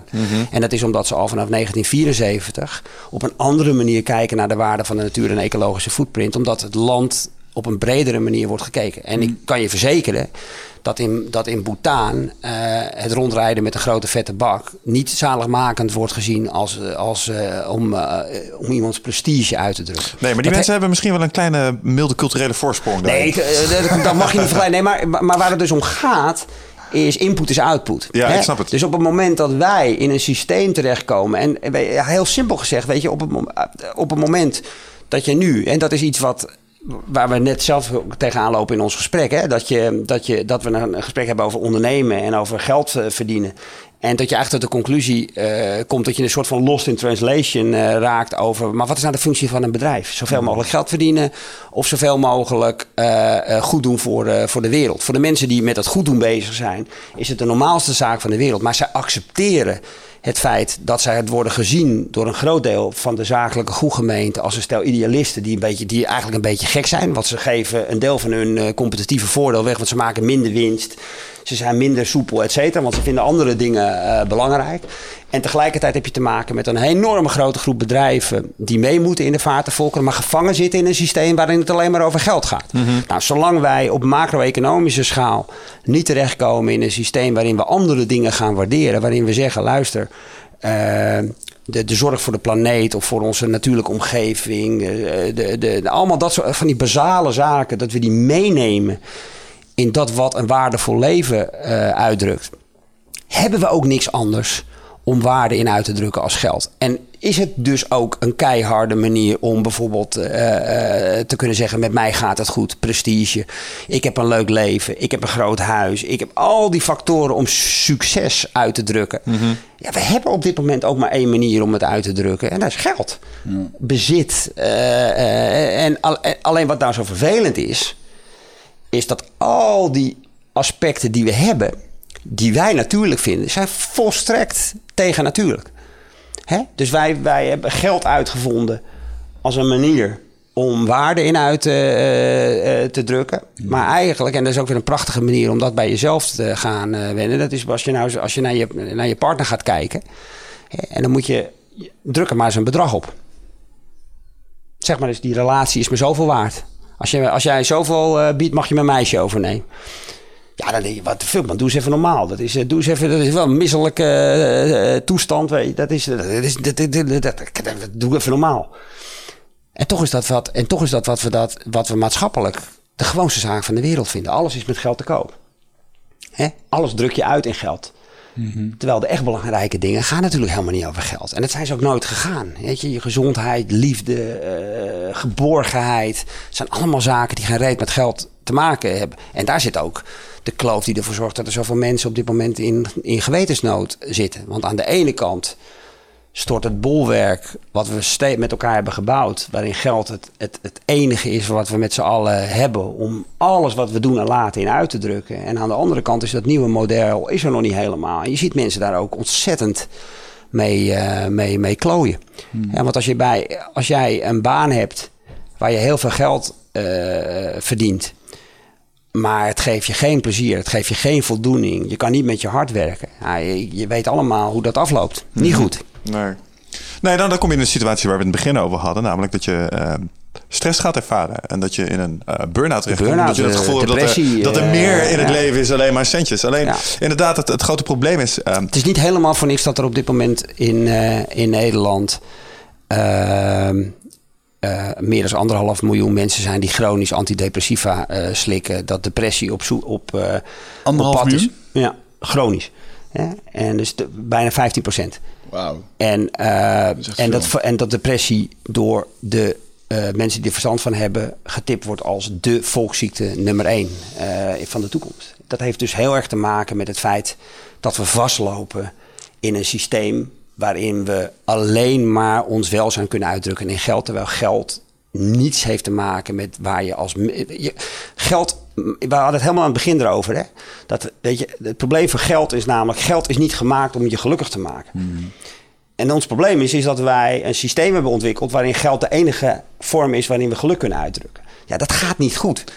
Maar zit daar ook niet een confirmation bias in? Omdat we, we hadden het voor de podcast hadden we het over de podcast die jij van ons had geluisterd, Ruud Veenhoven, Ja. die had het daarover. Wat me daarvan is bijgebleven is dat hij heeft natuurlijk eh, statistisch onderzoek gedaan naar geluk Ja. en dat er een sterke correlatie is tussen de welvaart en de bureaucratie in een land en de ervaren geluk van zijn of haar burgers. En de mensen die nu thuis met een burn-out zitten, zijn misschien mensen die zijn doorgeslagen in een spectrum en helemaal aan de boveneinde zitten van, oh geld is het allerbelangrijkste en dat die mede daardoor in die frustratie komen. Maar Geld lijkt onder de streep bijna cruciaal te zijn als jij een gehele bevolking gelukkig wil houden. Omdat het die basisvoorzieningen in je Boslav behoeftehiërarchie Ja. zo ongelooflijk goed ja, maar, maar dat is maar te delen waar. Maar de, eh, eh, de- er, is, er is namelijk ook een onderzoek. En eh, ja, ik geloof daar hartstochtelijk in. Hè, de, de zingeving, als je, als je Maslowiaans aanloopt, wordt gezien als eh, de, de penthouse van de piramide. En het, als, je, als je alle andere behoeften hebt eh, bevredigd, ga je je nog zorgen maken over je zelfontplooiing, je zelfrealisatie. nou ja, het hele purpose gedachtegoed, lees geluk. Ja. Ehm, ik denk persoonlijk eh, dat er eh, veel aanleiding is om te denken dat, eh, en eh, niet in de laatste plaats omdat het een van de urban legends is die rondom Maslow gaat, hè, dat hij op zijn sterfbed heeft gezegd dat de piramide altijd andersom is bedoeld.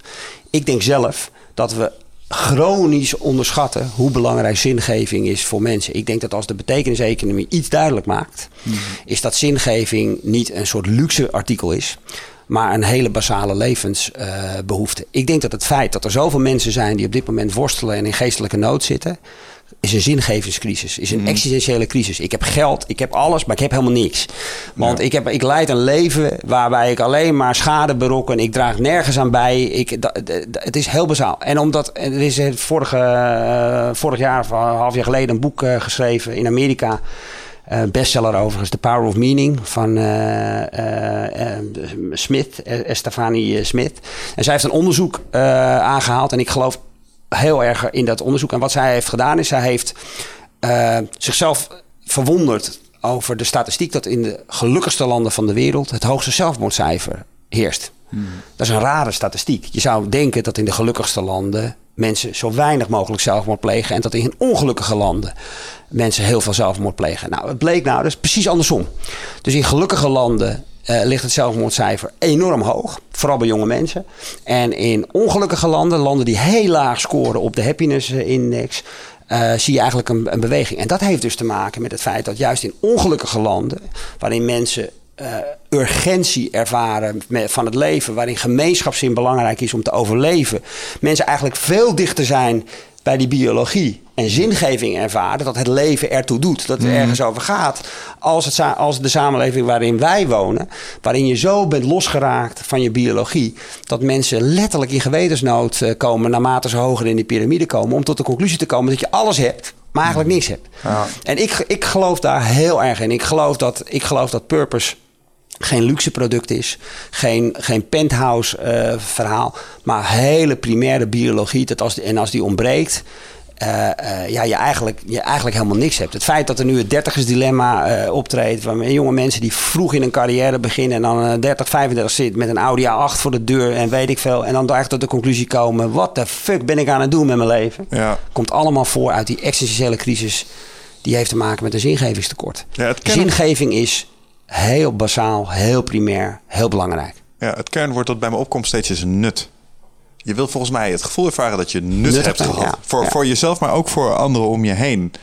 En ehm, ja, ik zit me af te vragen hoe zich dat dan... Dat vind ik ja, zo grappig en- dat, dat, ja. hoe zich dat tot elkaar verhoudt. Hè? Want enerzijds als je kijkt naar biologie... en we hebben het over evolutie... dan is eh, primaire instructie 1 eh, overleven en doorgeven van je genenpakket. Ja. En dan heb je 2 en dat is instandhouding van je soort. Ja. En ik, ik denk dat een boel mensen tot de conclusie komen nu in je dertigers dilemma. Hey, dat individuele stuk zit wel goed. Ja. Maar dat in stand houden van de soort, mijn groepje, het savanne-principe, zeg maar, mijn, Ja. mijn clan op de savanne, dat doe ik eigenlijk niet zoveel Nou ja, en, en, en, en wat je ook niet moet vergeten, ik heb voor mij, ik heb, ik heb natuurlijk eh, ruim een jaar geleden mijn laatste boek eh, uitgebracht. En ik heb in het kader van het boek ook veel onderzoek eh, gedaan naar de cijfermatige kant van de betekeniseconomie. Van kun je ook door maar in, in onderzoek terugvinden dat deze ontwikkeling gaande is. En een van de dingen die ik, eh, die ik daarbij heb ontdekt, is dat je echt kunt zien dat de crisis van 2008, dus de laatste financiële crisis, echt aantoonbaar een enorme boost heeft eh, gegeven aan de percentage start-ups, investeringen, impact-investeringen, bedrijven die eh, overgestapt zijn op CSR. Dus ik denk dat je ook niet moet onderschatten dat de informatie die vooral jonge mensen krijgen over de staat waar de wereld in, eh, in is, een enorme invloed eh, heeft op, de, ehm, op de, eh, ja, de- het gevoel van urgentie en relevantie dat er überhaupt iets meer is dan je eigen leven. Hè, ik bedoel, ik ben, ik ben 49, ik ben opgegroeid in de tijd dat je nog ging studeren om voor jezelf de, de, de, de carrière te maken, je, je, je financiële leven veilig te stellen, et cetera. En je moet niet onderschatten wat het is als je vandaag de dag 17, 18 bent en opeens te maken gaat krijgen met dingen als klimaatopwarming of hè, klimaatcrisis, et cetera. Wat, ja, wat zo reëel is en zo gaat drukken. Dat, dat we met elkaar ook steeds nadrukkelijker ervaren dat dat gemeenschappelijke belang er ook is. Maar hoe is dat anders als vroeger de Koude Oorlog en zure regen? Want toen ik jong was, Ja. was het zure regen. Ja. Ik kan me de reclames nog herinneren van Ja. die bossen die helemaal... Ik heb geen zure regen meegemaakt. Nee. Snap je? Dus Ja. eh, de informatie eh, was er altijd al. Ja. Al wel. Aan de andere kant, we hebben het hier ook... De regen was dat, dat, dat, oh, dat door de te veel uitlaatgassen, dat soort Ja, ja, zou de zure ja. regen komen. Zag je van die Ja. reclames met van die bomen zonder bladeren en zo. En dan werd je daar een beetje mee, mee bang gemaakt. Maar eh, tegelijkertijd, we hebben het hier laatst met Casper van der Meulen hebben we het daar ook wel over gehad. Eh, millennials is tegenwoordig een hippe term. Ja. Maar inderdaad, de generatie die naast ons komt. Hij geeft ook aan dat, dat, dat die generatie met name op zoek is naar doel. En dat ze dat, Ja, dat, maar- ze dat lastig vinden. Ja, maar, maar het feit dat ze op zoek zijn naar doel, is ook het feit dat er een behoefte is aan een doel. Hè? En, dat, is denk ik wat, wat deze generatie zo anders maakt. Weet je, in mijn tijd was er niet zoveel doel, behalve dan je eigen belang. Hè? Nu is het, er, is een, er, is een, er zit urgentie op het collectieve stuk. Dus de reden waarom veel jonge mensen nu het gat in de maatschappij opzoeken, eerst in plaats van het gat in de markt, is omdat ze zich geroepen voelen om er iets aan te doen. Hè? Om, er, is, er is iets om voor te vechten, om het maar zo eh, te zeggen. Hè? Dus de tribe wordt veel nadrukkelijker dan twintig jaar geleden bedreigd. Ik bedoel, ik ben met je eens dat de Koude Oorlog enzovoort, er, zijn, er is altijd. eh, is eh, ook wel een veel- essentieel risicootje. Nee, nee, nee. nee. Maar- maar, weet je, we hebben het nu over, het, we hebben het nu over een, een soort van reële bedreiging. In ieder geval een reële gepercipieerde bedreiging van het voortbestaan eh, van, van onze soort. En, en ik denk dat je niet moet onderschatten wat dat doet voor, eh, voor, eh, voor jonge mensen. Ik denk dat dat, ik denk dat, dat een enorme eh, gevoel geeft van, van urgentie en het feit dat je daar iets aan moet doen. Dat, dat geloof ik onmiddellijk, Ja. want dat het gevoel heb ik zelf ook wel eens. En dan, Ja. dan denk ik van, pff, als ik dan kijk naar de prognoses, eh, als het gaat om klimaatsverandering en zo, dan denk ik, nou, het zal mijn tijd wel duren. Ja. Maar, maar stel je nou toch eens voor dat je al kleinkinderen hebt of iets dergelijks. Ja. Daar mag je je zorgen over maken. Hoe, kijk jij in dat opzicht naar de toekomst? Want je, je schetst hier wel een heel specifiek beeld met climate change en een, een directe impact op de generatie naast ons. Denk je echt dat dat een, eh, een ding is waar we mee te maken gaan krijgen? Nou ja, we, we hebben er al mee te maken, zou ik, eh, zou Dat ik snap ik. zeggen. Maar, maar wij hebben wel eens de discussie van... Joh, denk je dat we hier ooit nog eens een keer Amsterdam uit zouden moeten of zo? Omdat Hmm. eh, de, de zeespiegel stijgt. Gaan wij dat nog meemaken, ja of nee? Ja. En dan, dan zeg ik, ik weet het niet. Of eh, acidification van de oceaan. Of de Ja. permafrost die loskomt. Of de Ja. Russen. Of de Russen die Russen voor de of deur de staan Russen, ineens. Ja. Ja, weet je, dat weet ik, dat weet ik, dat weet ik ook niet. Dat, dat, dat, dan, dan zou ik eh, een soort futuroloog zijn. Ik ben wel geneigd om ja, de vele berichten die, die er over, eh, over zijn op waarde in te schatten en ze in ieder geval serieus eh, te nemen. Kijk, eh, voor alles geldt, alles is perceptie. Hè? Dus er is, een, er is ook een geweldig boek twee jaar geleden geschreven, Progress, waarin een enorm positief beeld, een optimistisch beeld wordt gegeven over de mensheid. Hè? Want er is minder armoede dan ooit, et cetera. Dat is ook, en dat is, dat is de andere kant van de medaille, dat is er ook. Ehm, eh, dus ja, het is, ook maar, het is ook maar een beetje waar je, waar je naar wil, eh, wil, wil kijken. Ik persoonlijk vind het wel. ehm, ja, ik heb thuis eh, drie kinderen. Ehm, waaronder een, een, een, een jongetje wat, wat nog vier moet worden. En ik vind het wel, ja, ik ben er wel, ik ben er veel en veel meer mee bezig dan tien jaar geleden, laat ik het zo zeggen. Ja. me voorstellen, ja. ja. Ja. Maar is je, is je toekomstbeeld in dat opzicht positief? Heb je, heb je goede hoop? Of, eh, Ja, ik heb maar, of moeten we toch wel links en rechts een beetje bijsturen? Nee, ik, heb, ik, ben- nee, ik, ben, ik ben überhaupt een, een, een, optim, ik heb een optimistische eh, geest. Dus ik heb de neiging om de dingen altijd eh, wel wat positief in te zien. Ik denk, ook dat dat, ik denk ook dat het optimisme realistisch is. Ik denk dat de mensheid aan heeft getoond. En ik vind ook eerlijk gezegd dat je dat nu ook ziet gebeuren.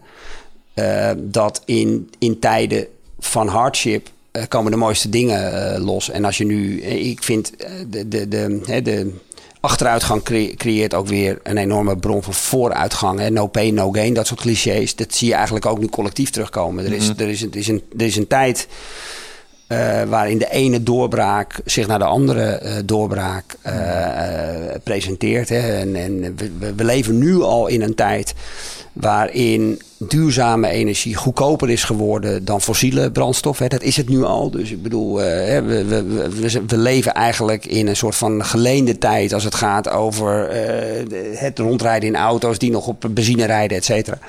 Ehm, en dat is eigenlijk in een, in een ongelooflijk kort tijdsbestek is wind- en zonne-energie een serieuze bron eh, van energie eh, geworden. En ja, ik denk dat veel van die eh, eh, development goals, die, die 20 goals die zijn geformuleerd, die er voor, eigenlijk voor nodig zijn om onze mensheid en onze planeet eh, eh, te laten bestendigen, ja, die zijn allen oplosbaar.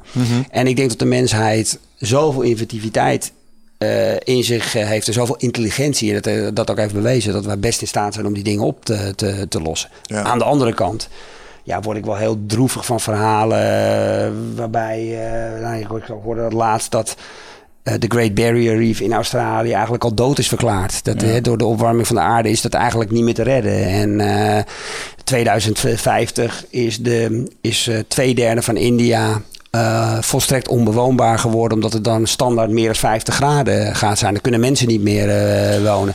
Ja, dat zijn toch berichten dat je denkt van ja, dat is toch wel, dat is eigenlijk best wel dichtbij. Ja, ja, ja, ja. Nee, dat, dat kan ik me levendig voorstellen. En, Ik heb, mag ik daarop in? Nee, ik heb deze week een mooi, eh, of eigenlijk, eigenlijk is het niet zo mooi, maar wel een mooi ehm, ehm, inzicht meegekregen van. ehm, ehm, ik ben bij die Indianenstam geweest in Brazilië. Er is ook een andere stam, de Yawaname. Dat is een antropoloog die is. eh 20 jaar heeft hij daar gewoond en die heeft de gedachte, het gedachtegoed vastgelegd van het stamhoofd daar, van de shamaan. Het boek heet eh, The Sky Will Fall. Die titel zegt het eigenlijk al. Volgens hun eh, is het einde van de wereld dat de hemel op de aarde valt. Omdat de dieren, de planten eh, en alle spirit animals en alle geesten, die houden die helemaal hoog. En wij Mooi. maken dat nu allemaal kapot, waardoor alles in één keer in elkaar valt. En, eh, Dat is achterlijk wetenschappelijk als je erover nadenkt. Als je kijkt wat planten doen. Ja. Als het gaat om de atmosfeer, CO2 Ja. en zuurstof. En als die planten de pijp uitgaan. Ja, zeker. Dat is toch klaar met ons, Maar voor hun is het heel simpel. De planten waren hier eerst. Die zijn hier al, waren hier al miljoenen jaren voordat wij überhaupt hier waren. Mm. En eh, ja, joh. Nou ja, een van de scenario's die geschetst wordt, en die wordt, ges- die, die, dat, is, dat is ook niet een scenario waarbij je zeg maar een eh, enorme droeftoeter bent op het moment dat je dat, je dat, eh, dat uitspreekt. Maar ja, de, de, de- over tien, een, een, een, een x aantal tientallen jaren eh, is eh, waarschijnlijk eh, acht, negen tiende van alle diersoorten die nu nog wild zijn, uitgeroeid door Nee, ons mensen. En dan zijn de enige diersoorten die nog leven, dat zijn, de, dat zijn dus de dieren die wij productietechnisch opvoeden om ze op te eten. It's worse. Ik heb eh, laatst een artikel gelezen dat de, er is een zo, zoveel vijfde of zesde mass extinction. Alle biologen in de hele wereld handen op. Hij is begonnen. Ja. We zitten er middenin. In. En eh, er vallen nu meer diersoorten links en rechtsom als in de hele voorgaande tijd. Of dat aan ons ligt, dat is volgens mij nog een punt van discussie. Maar we zitten wel in een dergelijke uitzetting. En het linken daaraan is, is het instorten van de voedselketen. Net zoals bijvoorbeeld, eh, waar- waarom is het eh, verzuren van de oceaan zo gevaarlijk? Plankton. Als plankton eraan gaat, gaat vissen eraan. Als vissen eraan gaan, dan stort de hele keten in. Ja. En als dat gebeurt, dan eh, is het ook snel klaar met, eh, met ons als mens. Nou ja, dat is een van de aller, aller, aller, allerbelangrijkste dingen die ik van het boeddhisme heb geleerd. Ah, Het allerbelangrijkste, denk ik eerlijk gezegd. Dat is dat wat boeddhisten interzijn noemen, interconnectedness. Dat is het feit dat alles, maar dan ook alles, altijd verbonden is met alles. Dus het, het, het, het, het is een volstrekte illusie. Alleen dat, dat, dat is, het, dat is het, het speerpunt van ons ego. Ons ego leert ons dat wij wel degelijk bestaan als individuen, als losstaande eh, verhalen. De realiteit is dat eh, er alleen maar verbinding is. Hè? Dus alles. eh, nou ja, ik, het, het, voor, het, het voorbeeld wat ik, wat ik vaak noem, en wat ik ook in die TED-talk heb laten zien met een bloem. Hè? Dus als je naar een bloem ja. kijkt, dan zie je een bloem. Maar een bloem bestaat bij gratie van zon en aarde en mineralen. En haal één van die componenten eruit en er is geen bloem meer. Die bloem is veroorzaakt. Jullie zijn veroorzaakt, die tafel is veroorzaakt, alles is veroorzaakt. En de, waar veel van de horrorverhalen nu over gaan, is inderdaad dat als die factoren gaan schuiven, en daar zijn ze nu mee bezig, dan, heeft, dan sterft er niet alleen, er sterft niet de bij uit. Maar als de bij uitsterft, dan sterft die uit en die uit en die uit en die uit. Ja, en dan kom je dus in, de, in de, ja, wat de Singularity University eh, eh, eh, ook mee bezig is, hè, met de, het cumulatieve effect, maar dan in negatieve zin. Ja. Ja, en dan, wordt het, dan worden het spannende tijden. Dat, Ja. en, en nobody knows, hè? We weten het, we weten het niet. Het, het gelukkige is, is dat, en dat vind ik wat mooi aan het boeken van bijvoorbeeld zo'n boek als Progress, Ja. is dat ehm, die curve van de, van de singularity, Ja. de exponentiële groei, mij, ja, mijn hoop is dat die elkaar net op tijd kruisen. Dat is de enige uitweg die ik zie. Want dan, dan lees ik slimme dingen op het internet. En dan zie ik, ja, acidification of the oceans. Maar we hebben een proces waarbij als we dit nu gaan kweken, is een soort zeewier. Ja. Kunnen we cultiveren, kunnen we farms van maken, kunnen we eten van maken. En het haalt alle eh, slechte methaan haalt het uit. Sterker nog, het gedijt erop. Ja. Oh, Ja. that's awesome. En we kunnen ze genetisch manipuleren zodat het... eh, oh, en dan denk ik, Ja. hmm, Nee, zit da- misschien maar, de maar- redding. Maar, daar, nou ja, niet alleen de redding, maar ik geloof dus ook dat wij, hoe gek het ook klinkt, dit is, dit is dat diepere geluk wat je ervaart eh, in, eh, op het moment dat je van betekenis bent. De mensen die hiermee bezig zijn, neem het van mij aan, die zijn, die zijn, die zijn niet eh, per, alleen maar bezig met hoe kan ik zoveel mogelijk geld verdienen. Nee. Die zijn bezig. Hè, dus eh, problem first. Hè, en wat interessant is, ik ben jullie zullen het ongetwijfeld kennen, dat boek van Mark Manson, wat die, eh, de, de, de Subtle Art of Not Giving a Fuck, wat vorig jaar is uitgekomen. ja, Een briljant boek. Wat van gehoord, maar Ja, nog niet is een gelezen. briljant boek. Moet je echt, echt blind kopen, lezen en, en koesteren. Heel goed boek.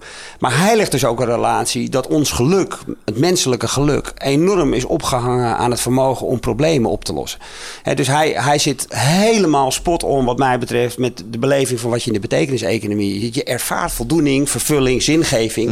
op het moment dat je, dat je hardship overwint. Het feit dat je voor elkaar iets aan het doen bent. Daarom is het ook zo, leeft het ook zo op dit moment. En daarom zijn dit soort dingen ook zo daar, ik, ik doe veel lezingen en dan kom ik ook mensen ontzettend veel respect hebben voor iemand als Bojan Slat. Weet je, en dat, dat past helemaal in dit verhaal, weet je wel. Een jongetje uit, een student, briljant, die, die, die, die niet alleen het probleem ziet van de oceaan, maar een idee heeft hoe die het op kan, kan, eh, kan lossen. En nu bezig is om het op te doen. Weet je, natuurlijk wordt dat een bedrijf. En natuurlijk wordt, gaat daar straks heel veel geld in, eh, in om. Maar het allerbelangrijkste is dat hij een probleem, wat we met z'n allen zien, en niemand heeft er een, heeft er een oplossing voor bedacht, heeft hij een oplossing voor bedacht. Ja. En dat, heeft, dat geeft hoop. Dat geeft, dat geeft weet je, oh, dit gaat, dit gaat er nou, Dat zie je nu op allerlei vlakken. Want wat hebben we namelijk geleerd? Als alles met elkaar verbonden is, is elk probleem ook op te lossen. Want elk probleem is veroorzaakt. En als je dus de, de parameters aan het begin verandert, dan kun je al dingen ook oplossen. Als je dingen veroorzaakt, kun je ze ook oplossen. En wij hebben technologie. En we hebben technologie, we hebben intelligentie. Ja. We hebben, en dus zie je dus ook nu een enorme stortvloed aan dit soort doorbraken. Het- Ongekend veel in de afgelopen. Hè. We, we, we, we, kijken, we kijken terug eh, op, eh, op eeuwen en decennia. Eh, met heel veel eh, met innovaties. Maar nu zijn, is het bijna wekelijks. Bijna dit soort enorme innovaties. Waar mensen eh, echt letterlijk over elkaar heen stuiken. Ja, dat wordt allemaal gedreven door het feit dat we gechallenged worden. Ja. Er is een probleem en we moeten het oplossen. Onze tribe wordt bedreigd. Ja, sterker nog, dit zou nog wel eens, nu ik er wat langer over nadenk, dit hele purpose-driven economy, het zou nog wel eens een soort evolutionaire stap kunnen zijn die nodig is om de komende periode het hoofd te kunnen bieden. Want als je nu vanuit je winstbejag blijft redeneren eh, en je gaat je individuele eh, behoeftes op één zetten, dan gaat op de lange termijn gaat het hele verhaal ten onder. Precies. En eh, da- daarom zou het ook maar zo kunnen zijn dat dit eigenlijk gewoon vanuit de, cultuur, het collectief zeg maar, dat, dat dit soort bewegingen eigenlijk wel ontstaan en vorm gaan krijgen. Totdat we weer als mensheid voor een andere situatie staan. Eh, weet ik veel, aliens zetten door. Eh, en dan moeten we weer eh, op Ja. een andere manier ons gaan manifesteren. Ik noem maar iets. Wat, als ik een terugstapje mag maken, even naar dat uitje met hij, hè, met personeel en Ja. de why. Ehm, wat is de eerstvolgende stap bij zo'n bedrijf om, wat zou jij daar doen? Wat is, wat, is, wat is wel de goede manier? Ze hebben vijf fases. Want uiteindelijk gaat het hier om dat we dus gewoon de, de mens zelf, het lijkt mij de medewerkers, die moeten in hun kracht komen en die moeten dat gevoel krijgen. Ja.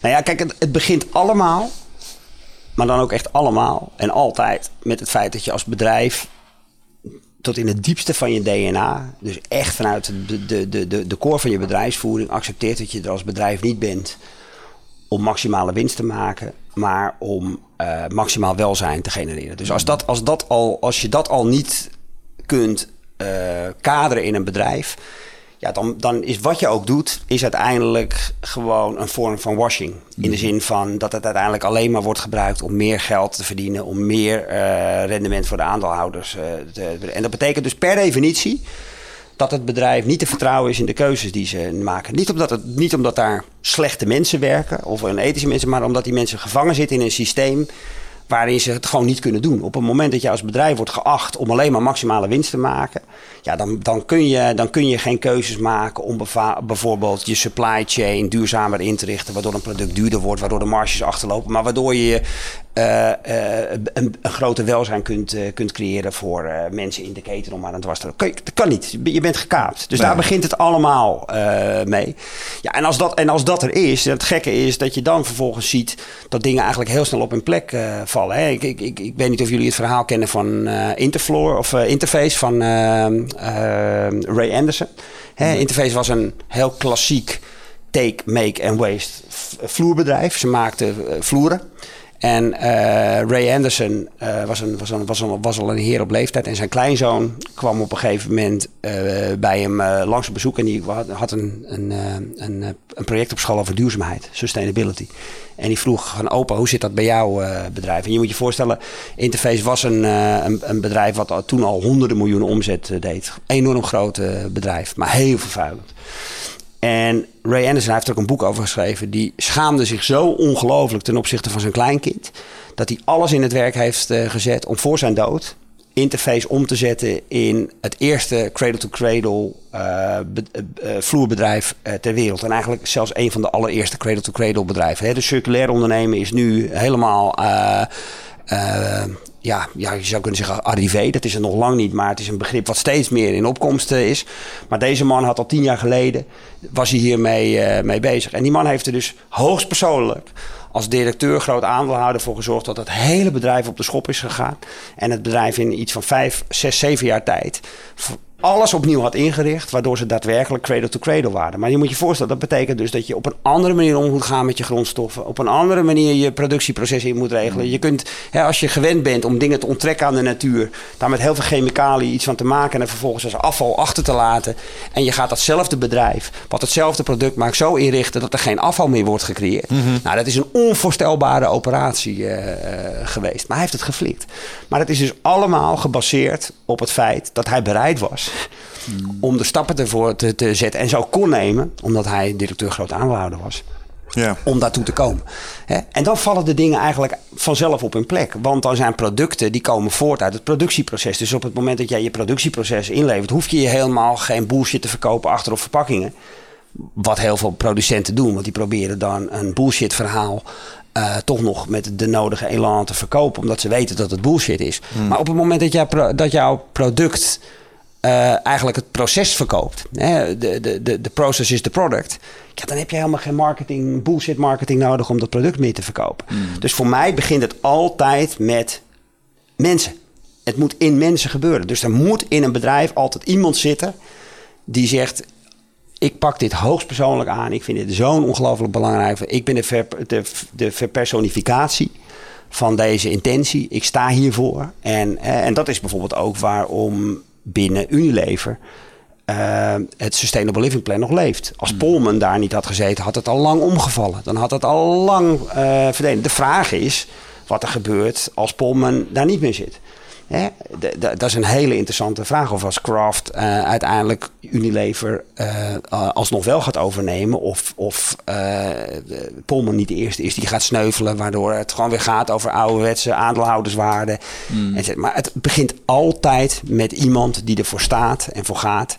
En het echt tot in het diepst van zijn vezel serieus wil nemen. En dan valt de rest eigenlijk uiteindelijk altijd op, zijn, op zijn plek. Ik geloof er dus niet in, pertinent niet in dat bedrijven aan purpose kunnen gaan werken vanaf de marketingafdeling.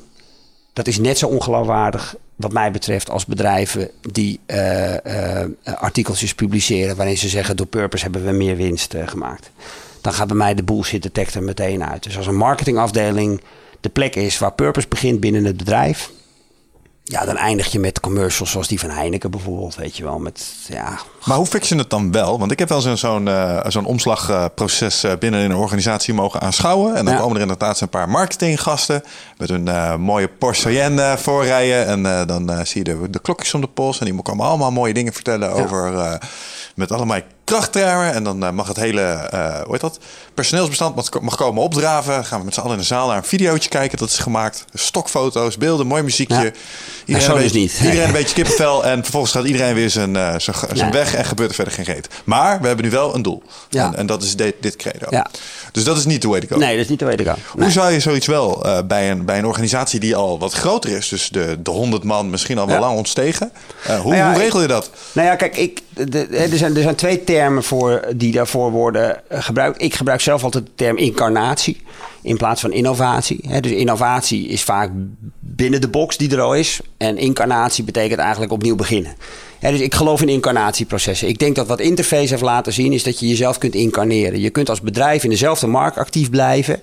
maar op een volstrekt andere manier. Maar dan moet je wel vanaf scratch opnieuw eh, beginnen. Een ander woord wat daar wel eens voor gebruikt is pivot.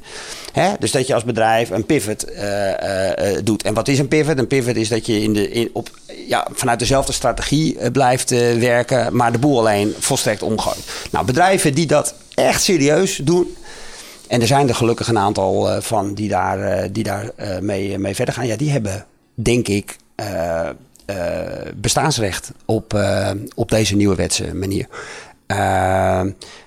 realiteit is wel dat wij en dat is ook zo uh, gegroeid in de loop der jaren. Dat wij vooral heel veel dingen zien van corporates. Mm hè? Mhm. Want die vullen onze reclameblokjes. Omdat, ja, weet je, advertising is the price you pay for being unremarkable. Zoals meneer eh, Bezos ooit heeft uh, verteld. Dus dat is waar zij, uh, waar zij van be bestaan.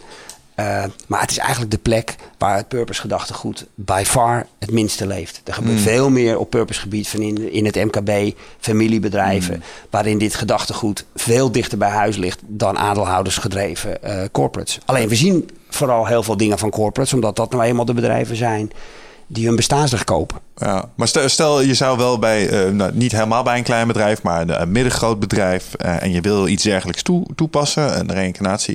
Ik heb zelf ook wel eens verandermanagement trajecten mogen mm. begeleiden. En um, wat ik je hoor zeggen, is, ik, ik weet niet of ik tussen de regels doorhoor, maar ik wil het graag even bevestigen, is dat om dit te kunnen doen heb je een soort paradigm shift nodig binnen de organisatie. Ja. En mijn conclusie is altijd geweest dat er op cruciale sleutelposities mensen zitten met een bepaalde overtuiging. En ik heb een keer heel mooi horen omschrijven dat een organisatie is als een vis en die stinkt bij de kop. Met andere woorden, als er een bepaald gedrag ja. zit, komt dat voort uit mensen die op posities van aanzien zitten. En als ik dit beluister, mijn neiging was altijd heel gereus. Die mensen moeten eruit. Ja. Die moeten weg, want anders kun je niet reïncarneren. Nee. Hoe, zie, hoe zie jij dat? Nou ja, dat, dat, is, dat, is een, eh, dat is een ontwikkeling die, eh, die je dus ook veel ziet uh, gebeuren. Ik bedoel, op het, op het moment dat je een systeemverandering gaat doorvoeren in je, in je bedrijf. En uh, je wil uh, het welzijn uh, centraal zetten en niet het welvaart. En je hebt eigenlijk louter mensen zitten die gewend zijn om in welvaart te denken. Ja, dan hoef je geen rocket science te hebben gestudeerd om te weten hoe dat afloopt. Dat gaat mm. natuurlijk niet werken. Hè, dus uh, als je het hebt over veranderprocessen of transformatieprocessen, ja, dan zie je dus ook in heel veel gevallen dat dat een, een, een enorme opschoning van, van, van mensen vraagt. Mm. Nogmaals, je kunt dit, je kunt niet je kunt een bedrijf niet anders gaan inrichten met dezelfde uh, mensen die een ander kunstje leren. Nee. Tegelijkertijd, tegelijkertijd is het wel zo dat zo'n uh, uh, zo'n traject eigenlijk altijd wordt gestuurd door een sleutelpersoon die ervoor staat. En mhm. vaak zijn dat wel mensen die al in het, in het bedrijf hebben gezeten en die opstaan en uh, ik heb dus ook een prachtig boek uh, geschreven van, oh, door, uh, of over Jochem Seitz, die bij Puma zo'n zo'n verhaal heeft geïntroduceerd. Weet je, en die man zat ook al in de Puma-organisatie toen hij, toen hij deze ontwikkeling in, inzette. En, ja, en die, heeft, die heeft enorm veel los weten te maken. Onder andere de introductie en de uitwerking van de environmental PNL, mm -hmm. die nu standaard is geworden. Mm. En Puma is vele malen verder als het gaat over uh, materiaalhergebruik, afbreekbaarheid, et cetera, dan Adidas en Nike samen. Ja. En uh, dus ja, het, is een beetje, het is een, ja, ik denk dat we, zoals in heel veel gevallen er niet echt een recept is voor uh, van nou als je dit en dit en dit doet dan, dan gebeurt het. Er is, er is wel, ja, er is wel het een en ander over te zeggen. Kijk, in, in Amerika heb je een beweging die wordt de conscious capitalists genoemd. Uh, en daar zit onder andere John McKay in van Whole Foods en nog een aantal bedrijven. En ja, die, be die beweging, dat zijn CEO's die, laten we zeggen, allemaal het licht hebben gezien of zo. En daar dan heel actief mee, mee zijn in het bedrijfsleven. Ja, daar lopen ondertussen wel een aantal hele spannende, interessante voorbeelden van, van bedrijven die dat dus daadwerkelijk wel voor elkaar krijgen. Mm -hmm. De laatste kaarten zijn beschikbaar voor het Ride of Passage Retreat op 24, 25 en 26 mei. Ben jij erbij? Het is een volgende stap in je persoonlijke groei. Uh, een weekend waarbij de belofte is dat het een tikkeltje oncomfortabel gaat worden. Maar daar ligt natuurlijk wel gewoon de groei om meer helderheid te krijgen in je leven. Om uit je hoofd te komen, in het lichaam. Um, achter te laten wat je niet meer dient. En om echt de volgende stap te maken door de oude patronen te doorbreken, te doorzien, te doorvoelen en, en te helen. En daarvoor wil ik je heel graag uitnodigen. Uh, en ik hoop dat jij een van die laatste bent die nog aansluit bij het Ride of Passage Retreat. Ga naar wichertmeerman.nl, klik op Retreat en ik zie je daar. Ja. Het is wel grappig, hè? we hebben het nu. eh, je triggerde me even met eh, Puma en, eh, en Adidas en die clubs. Want als je het nou, het voorbeeld hier ook wel eens gehaald en aangehaald in de podcast. Die hebben op een gegeven moment ook nagedacht over missies en visies en dat soort dingen. En wat, Zeker. wat me hieraan opvalt is dat het zijn allemaal ehm, hele mooie altruïstische dingen. Maar wat zij hadden was een heel ander purpose, namelijk was pure agressie. En dat was Crush Adidas. Ja. Hebben ze op een gegeven moment echt als Ja. purpose gehad. Ehm, hoe kijk je daar tegenaan? Om het op, op zo'n manier ehm, in te zetten. Nou ja, ik, ja, ik vind dat dus geen, dat is geen purpose wat mij betreft. Dat is gewoon een missie of een, eh, een plan. P- Purpose gaat altijd over het gemene goed. Ik, voorspel je ook, ik voorspel je ook een ding. En dat dit is een, een, een, een ontwikkeling die gaande is. Eh, nu nog eh, eh, redelijk in de niches van het hele economische debat. Maar ik voorspel je dat je over een paar jaar zul je zien dat dit het centrum wordt van dit hele debat. Wij, wij, wij zijn als mensheid ondertussen gewend aan twee grote macro-economische systemen. We hebben het kapitalisme en we hebben het communisme. En, en van beide zouden we kunnen zeggen dat ze allebei werken. En we zouden ook over allebei kunnen zeggen dat ze niet werken. Hè? Dus het kapitalisme werkt op heel veel plekken in de wereld, maar met alle eh, gevolgen van dien. En het communisme werkt ook op, eh, op bepaalde plekken in de wereld, ook met alle gevolgen van dien. Waar Ja. werkt het communisme? Nou ja, in- Waar is het in, goed eh, gegaan? Nee, maar ja, hetzelfde kun je vragen over het kapitalisme. Waar is het kapitalisme goed gaat gegaan? uiteindelijk nooit goed. Nou ja, nou in termen van menselijke vrijheden kunnen we denk ik wel tot de conclusie komen dat kapitalisme verreweg het beste systeem is. Ja, maar het faalt uiteindelijk allemaal. Op het moment dat mensen zelf hun eigen keuzes krijgen, als mensen zelf hun eigen ding kunnen gaan doen. En Vind je ja. onze maatschappij gefaald op dit moment? Het is de beste tijd om te leven. Nee. Ja, ik, ik, ik, Nee, ik- nee, nee, want nee, hij staat hier ook, ja, hè, communisme stond bij ja, mij ook. Want ja, het, het hele... Nee, nee, maar, maar er ontstaat een nieuwe discussie. En Ja. die discussie, ik weet niet of jullie die termen alles hebben gehoord, maar er wordt veel gepraat over regenerative eh, eh, economics. Fantastisch boek laatst geschreven over donuts economy, eh, ware, ware winst eh, van Christian eh, Felber, een, een, een, een Oostenrijker. En wat je eigenlijk ziet is, er ontstaat een, er ontstaat een ruimte voor een derde weg. En die wordt ook geduid met de term holisme. En waarbij het, waarbij het veel nadrukkelijker gaat over het waarderen van de commons. Dus even simpel gezegd, het, het kapitalisme gaat uit van het louter eigen belang en eh, eigen bezit. Het kapitalisme of het eh, communisme gaat uit van het feit dat er geen eigen bezit is, het is alleen maar collectief bezit. En wat eigenlijk het, dat die nieuwe, die nieuwe, die middenweg eh, oh, is eigenlijk van ja, luister, weet je, eigenlijk bezitten we alles samen, om hem even zo te zeggen. Wij hebben zorg voor de aarde en vooral de, het waarderen van, de, van, de, van die elementen. Dus het gaat niet over het feit dat er een staat is die jou van belang heeft, maar we hebben met elkaar hebben we te zorgen voor de commons, want we bestaan bij gratie van de commons. Ik denk dat die ontwikkeling een hele belangrijke ontwikkeling gaat, eh, gaat, eh, gaat worden in de komende jaren. Ik denk dat het, zeg maar, het waarderen van die derde weg, om het maar zo eh, te, te zeggen, ergens tussen het kapitalisme en het communisme in. Geen rijlandskapitalisme of ook geen verlicht socialisme, maar gewoon echt een totaal nieuwe vorm van, eh, van, van waardering. Waarbij we dus de sociale en ecologische waarden ook eh, beginnen, beginnen in te zien. En vooral de zorg te dragen voor, voor de commons. En ook het waarderen van de commons. Ja, dat gaat ervoor eh voor zorgen. Ik bedoel, ik- om een voorbeeld te noemen. De, de, de, we hebben het net gehad over de Great Barrier Reef. Hè, en, en de staat ervan is. En een van de dingen die enorm helpt nu met de restauratie... is dat ze hebben een, ze hebben een bedrag gedrukt op de de Great Barrier Reef. Ik geloof dat die 37 miljard Australische dollars waard is. Ze hebben een waarde toegekend aan, eh, aan, het, eh, aan het verhaal. En dat creëert een soort van, ja, soort van gemeenschappelijkheid waar mensen iets mee, eh, mee, eh, mee, mee kunnen.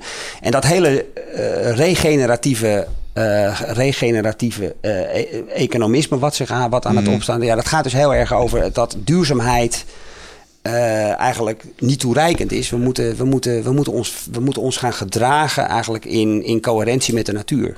Hè, dus we, we- ik weet niet of jullie wel eens van biomimicry hebben gehoord. Dus de natuur nabootsen, natuurlijke processen.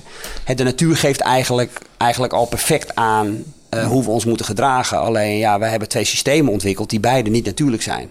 Ja, maar als ik parallellen met de natuur kan trekken, kun je eh, in dat opzicht natuurlijk eh, allerlei. eh, Je kunt de mierenhoop-analogie pakken. Ja. Je kunt fotosynthese pakken als biomimicry. Maar je Ja. kan ook Gorilla's. de tijger, de leeuw, de alfa, zeg maar, zou ik ook als voordeel kunnen, voorbeeld kunnen gebruiken om Ja. te illustreren dat dat ook een succesvolle strategie is. Ja. Ik vind het grappig dat je nog even inging op eh, socialisme, eh, communisme en dat soort dingen. Want dat is wel een van de dingen die ik had opgeschreven ook in de prep. Zo van, Ja. Het lijkt erop alsof er een neiging is richting collectivisme. Weet je wel, we zijn alle één. Het is spiritueel Ja. ook heel hip om, hip om dat te zeggen. En Ja. ik hoor je net iets zeggen, ja, maar het is eigenlijk allemaal een beetje van ons allemaal. Ja. En dan gaan bij mij eh, toch wel een beetje de haren overheen. Ja. Dan denk ik, ja, maar ho, ho. ehm, nee, dat is niet waar. Want mensen zijn niet hetzelfde. En sommige mensen zijn gewoon slimmer en beter in waarde abstraheren. Ja. Of, of eh, hebben de discipline om dingen te doen die ze meer opleveren. En om dat dan straks allemaal gelijk te trekken. Er zijn ook mensen die zitten nu op de bank met een PS4 te spelen. Doen de hele dag niks anders dan stoned worden. En die hebben niet recht op een evenredig deel, vind ik. Mhm. Hoe kijk je daarnaar? Nou ja, kijk, wat mij betreft gaat het, als je het hebt over kapitalisme en eh, socialisme of communisme en, en communisme, of hoe je het ook wil noemen, niet zozeer over eh, rechten en plichten, maar het gaat, het gaat volgens mij veel meer over eigendoms, eh, eigen, een, een eigendomsdiscussie. Hè? Dus het kapitalisme gaat, gaat uit van het feit dat individuen eh, het eigendom eh, eh, vertegenwoordigen. Het, het socialisme gaat uit eh, van het beginsel dat de staat eh, eh, het alle eigendom heeft. En waar, waar die nieuwe stroming van uitgaat, is dat we dat eigendom eigenlijk allemaal delen. Heel simpel gezegd, we zijn met elkaar verantwoordelijk voor de planeet. Weet je, eh, als, we, als, we, als je je uitzoomt van de planeet, dan wordt het allemaal heel overzichtelijk. Want het, ja, dan maakt het opeens niet meer uit of je in Nederland eh, bent geboren of in Kenia. Of je zwart, wit, homo, hetero, arm, rijk, eh, talentvol of niet bent. Dus we hebben het hier eh, met elkaar eh, te doen.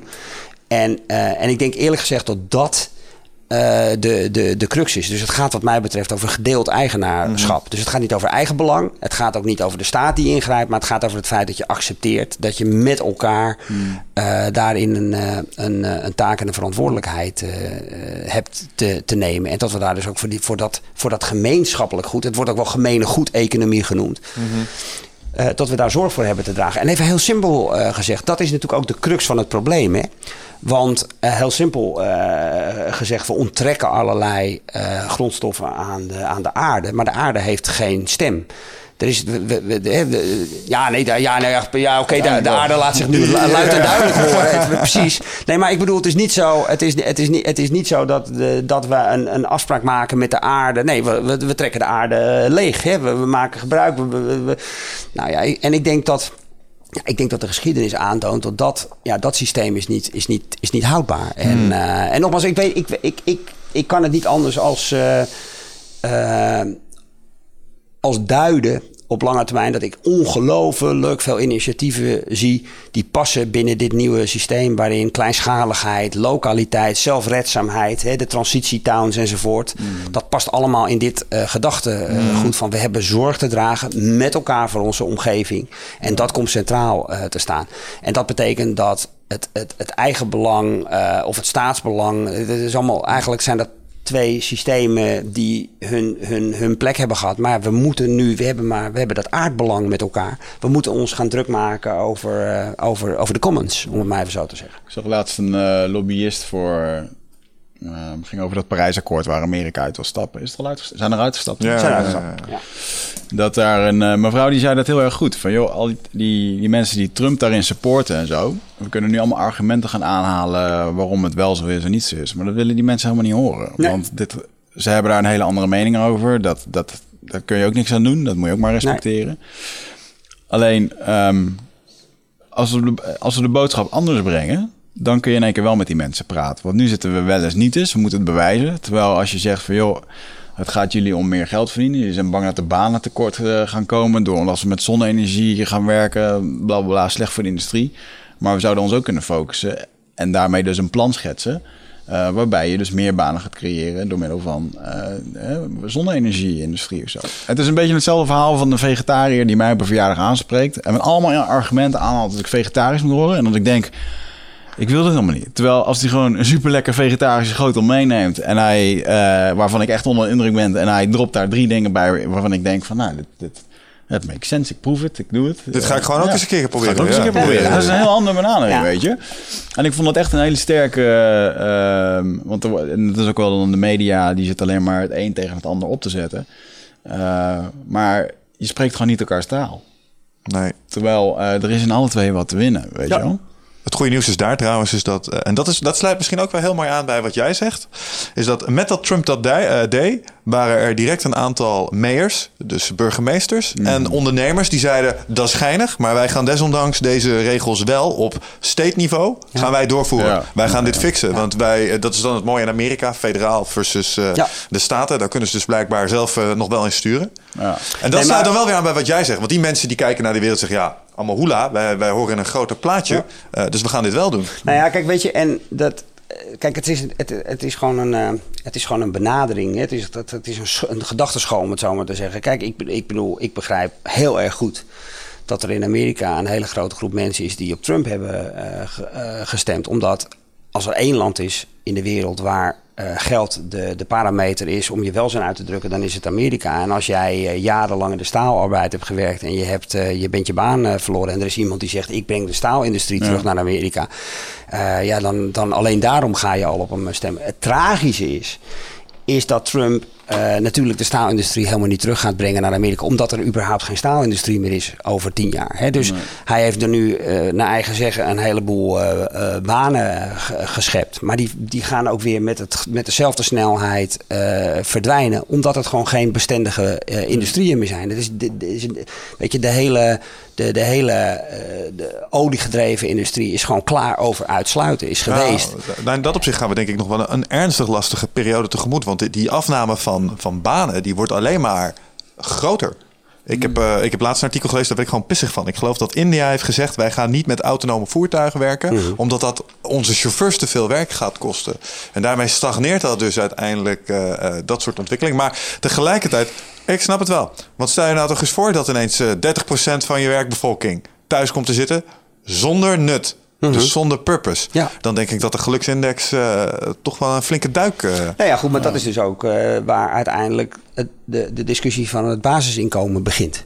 ja. Hè, van, kijk, het, het systeem nu, zoals we dat nu hebben, waar je moet werken voor geld en een deel van de bevolking die, dat, die daar van de wagen afvalt, die we dan door middel van uitkeringen bij, de, bij, de, bij de les proberen te, te houden. Ja, bestaat bij gratie van het feit dat er natuurlijk een gezond percentage is tussen werkende en niet werkende. En op het moment dat dat percentage eh, onder druk komt te staan en, en eigenlijk alle indicatoren geven aan dat dat gaat gebeuren. Heeft overigens niks te maken eh, met een ontwikkeling die heeft te maken met welzijn, maar met robotisering, eh Ik automatisering. zeggen, et was dat het niet? Waarom het kan? Dat Precies, nou ja, dat, maar dat betekent dus dat het, dat gaat gewoon gebeuren. Ja, dan is het systeem volstrekt onhoudbaar. Weet je, dan, ja, dan, dan, dan, dan is de sociale druk zo groot dat we op een andere manier naar de verdeling van, eh, van, eh, ja, van fondsen moeten gaan kijken. Zo simpel is het uiteindelijk. Stel je voor hè, dat eh, we komen in een situatie binnen nu in 20 jaar. We hebben AI, we hebben robots, we doen wat slimme dingen. Plots genereren we zoveel surplus in onze fabrieken dat de hele wereld inderdaad 2000 in de maand kan ontvangen. Ja. Of laten we, laten we eens klein beginnen, hier in Europa in ieder geval. Wat, wat gaat dat doen met, eh, met onze maatschappij? Denk je dat dat een, een goede stap is? Ik denk namelijk dat er een hele onrustige periode achter komt. Consumer period gaat het worden. Hoe kijk jij daar tegenaan? Wat zou er gebeuren, denk je? Ja, wow, een goede vraag. Ehm, ja, ik denk dat dat inderdaad wel een, eh, een tijdje een onrustige periode gaat, eh, gaat, gaat, gaat geven. Ik denk aan de andere kant dat tegelijkertijd ook een enorme boost gaat, eh, gaat komen van mensen die vanuit de wetenschap en de rust. Dat er ruimte er is dat ze zich gaan bezighouden met, met, met, ja, met immateriële zaken. Die eigenlijk ontzettend belangrijk zijn voor de gemeenschapszin. Dus ik denk dat er ook een enorme boost zal zijn aan allerlei activiteiten die nu het hardste te lijden hebben. Omdat we ze alleen maar doen op, op de momenten dat er ruimte voor is. Vrijwilligerswerk, eh, Zelfontplooiing. eh, zelf- buur, zorg, dat soort eh, zaken. Zelfontplooiing. Dus ik denk dat dat ik, ja, ik denk dat het een beetje, eh, ja, ik denk dat die twee eh, eh, stevig met elkaar eh, te maken zullen. Misschien stond hij toch wel goed, die Maslow-behoefte-hiërarchie. Want als je dat geld hebt, heb je die, die onderste treden in ieder geval gedekt. Ja, dat, dat is zo. Maar de, en daar heb je allemaal gelijk in. Hè? Dus in de- en hij heeft hem ook niet voor niets zo gemaakt. Tegelijkertijd is als je alles hebt, maar je hebt geen zingeving, dan eh, eindig je met burn-out eh, en, eh, en depressieve klachten. Dus dat is er ook. En dat is ook echt. En weet je wat ik daar zo interessant aan vind als je kijkt naar die Maslow-behoefte-hiërarchie? Is dat als je kijkt naar eh, de eerste treden, om daar je in te manifesteren, heb je ego nodig. Zeker. Wil je naar die hogere tredens? Moet je ego overstijgend gaan denken. Als je Ja. in de richting zelfontplooiing wil, is, heeft het vaak altijd alweer te maken met eh, andere raken, eh, zeg maar, eh, Ja. toevoegen en dat soort dingen. Het is heel Er zit een soort omslagpunt in. Die, Zeker, ja. Nou ja, ik maak persoonlijk onderscheid. Ik, ik, ik hanteer zeg maar vier voor- soorten vormen van geluk. Er is ik-geluk, er is wij-geluk, er is zij-geluk en er is het geluk. En, eh, en wat mij betreft bestaan ze alle vier. Zijn ook alle vier even plausibel, allemaal ook even reëel. Maar ze zijn wel anders. Hè. Dus ik geluk gaat heel erg over eh, mijn plezier, mijn prestige, mijn passie. Dat zijn dingen die mensen heel erg associëren met eh, ja, je subjectieve welbevinden. Wij geluk gaat heel erg over verbinding hebben met andere mensen. Mensen worden aantoonbaar gelukkiger op het moment dat er sociaal eh, contact is en cohesie. Hè, dus het contact met andere mensen. Zij geluk is, is, dat, is dat purpose stuk. Hè, dus dat je andere mensen gelukkig maakt. En het geluk is, eh laten we zeggen, het non-dualistische. Dat je gewoon eh, peace of mind kunt hebben met wat er gebeurt in, in de wereld. En dat kunt overstijgen en dat kunt, kunt overkijken. En wij mensen zijn eigenlijk de hele dag schieten we tussen al deze vormen van geluk heen en weer. Hè? Dus er is in elk, in elk mensenleven is er ik geluk, er is wij geluk, er is zij geluk en er is, eh, en er is, eh, is het geluk. En dat heeft dus te maken met verschillende behoeften en verschillende manieren waarop het, eh, op het, eh, op het beleefd eh, eh, wordt. Wat alleen wel belangrijk is, is dat onze westerse focus echt zeer nadrukkelijk op ik- ik-geluk ligt. Eh, eh, wij geluk eh, zijn we, hebben we ook redelijk voor elkaar, maar zij en het geluk komen eigenlijk niet of nauwelijks aan, eh, aan, eh, aan bod. En, en vooral dat zij en het geluk, dat zijn nou juist wel de gelukservaringen die een veel diepere invloed en een veel diepere imprint achterlaten dan plezier. Hè? Dus plezier, als jij een paar nieuwe schoenen koopt waar je je heel erg op verheugd hebt, dan geeft dat een, een, een, een 100% echte gelukservaring, alleen is heel vluchtig. Ja. En op het moment dat jij op een meditatiekussen eh, de, de, de- zeg maar vredig en peace of mind eh, kunt, kunt naar verdriet kunt kijken, zonder dat je daarmee in gevecht eh, gaat. Ja, dan is dat, dat gevoel wat je daarbij ervaart, is bijna niet te vergelijken met elkaar. Om Nee. even zo te zeggen. Dat laat een veel diepere invloed Ja. achter. Maar het percentage mensen wat op een meditatiekussen zit om hun verdriet eh, eh, met vriendelijkheid te bejegenen, is natuurlijk een vele malen kleiner dan de mensen die de Kalverstraat in gaan als ze verdriet voelen en een paar nieuwe schoenen gaan kopen. Ja, dat snap ik. Ja, jij, hebt dat, jij hebt dat verschil natuurlijk wel gezien. Hè? Hoe heb je dat ervaren in het eh, bos als je naar deze vormen van geluk kijkt? Hebben ze daar überhaupt ik-geluk? Zo van, oh, look at my nieuwe machete. Of, oh, blij met mijn mooie nieuwe toy. Is dat er? Ja, denk ik wel. Ja, dat moet ook wel, want eh, Het zijn net mensen, hè? Ja, het zijn, zijn, zijn inderdaad net mensen. Ja. Weet je wat ik heel bijzonder vond daar? Ik heb daar eens een, eh, een blogje over geschreven. Over ehm, toen ik daar de eerste eh, zaterdag was. Eh, ze drinken daar iedere week dat ayahuasca, dat medicijn, wat ze dan. en nou, eigenlijk is het gewoon een psychedelische druk, maar dat zorgt wel voor die saamhorigheid. En ehm, daar werd de eerste zaterdag dat ik daar was, werd daar de nieuwe politieke leider van het eh, lokale gebied. Die werd gekozen eh, door middel van zo'n sessie. Er werd gewoon gezegd: van, joh, we hebben drie kandidaten. En eh een van was ook het neefje van het opperhoofd. Waar, waar, Donald Trump als het ware zijn eigen kind meteen neerzet. Werd hier gewoon heel ja, eerlijk gezegd van joh, we weten het niet. Drie mensen kunnen ons vertegenwoordigen en de grote geest gaat het vanavond ons vertellen. En vervolgens zitten we daar met 60 mensen, eh, ja, eigenlijk gewoon compleet uit je pan eh, te gaan. ja. eh, muziek te maken. En, en de volgende dag is daar een beslissing van gekomen. Wat ervoor zorgt dat als ik bijvoorbeeld het idee had dat Michel dat zou moeten worden, maar jij bent het geworden, dat ik nog steeds het besef heb: oké, maar de grote geest waar wij allemaal Ja. naar verwijzen, die wil het anders, dan het zal wel goed zijn. En dat geeft zo ontzettend veel rust en samenhorigheid en, eh, en vrede binnen eh, die gemeenschap. En tuurlijk, daar zijn ook mensen wel eens ongelukkig of boos op elkaar. Of uh, er zal ook gejat worden en eh, menselijke dingen. Ja, ik denk dat hij daar dus inderdaad op zijn kop staat. Ik denk dat daar het, het, het, het geluk en het zijgeluk de boventoon uh, voert. En het ik-geluk het ondergeschoven. Er is wel ik-geluk. Ja. Alleen het is gewoon een, een minder uh, belangrijke. En, en, en, en nogmaals, weet je, er zit niet echt een gradatie. Want het zijn gewoon vier. Uh, ik gebruik ze ook in de matrix. Dus ze, ze zijn er alle vier.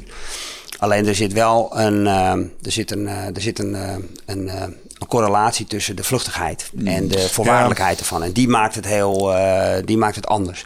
Weet je, als je, als je, als je in het geluk zit, om het maar zo te zeggen. Ja, dan heb je niets nodig. Terwijl eh, als je in ik-geluk zit, heb je continu de prikkel nodig. Je hebt continu de bevestiging nodig. Bijvoorbeeld als je prestige eh, gevoelig bent.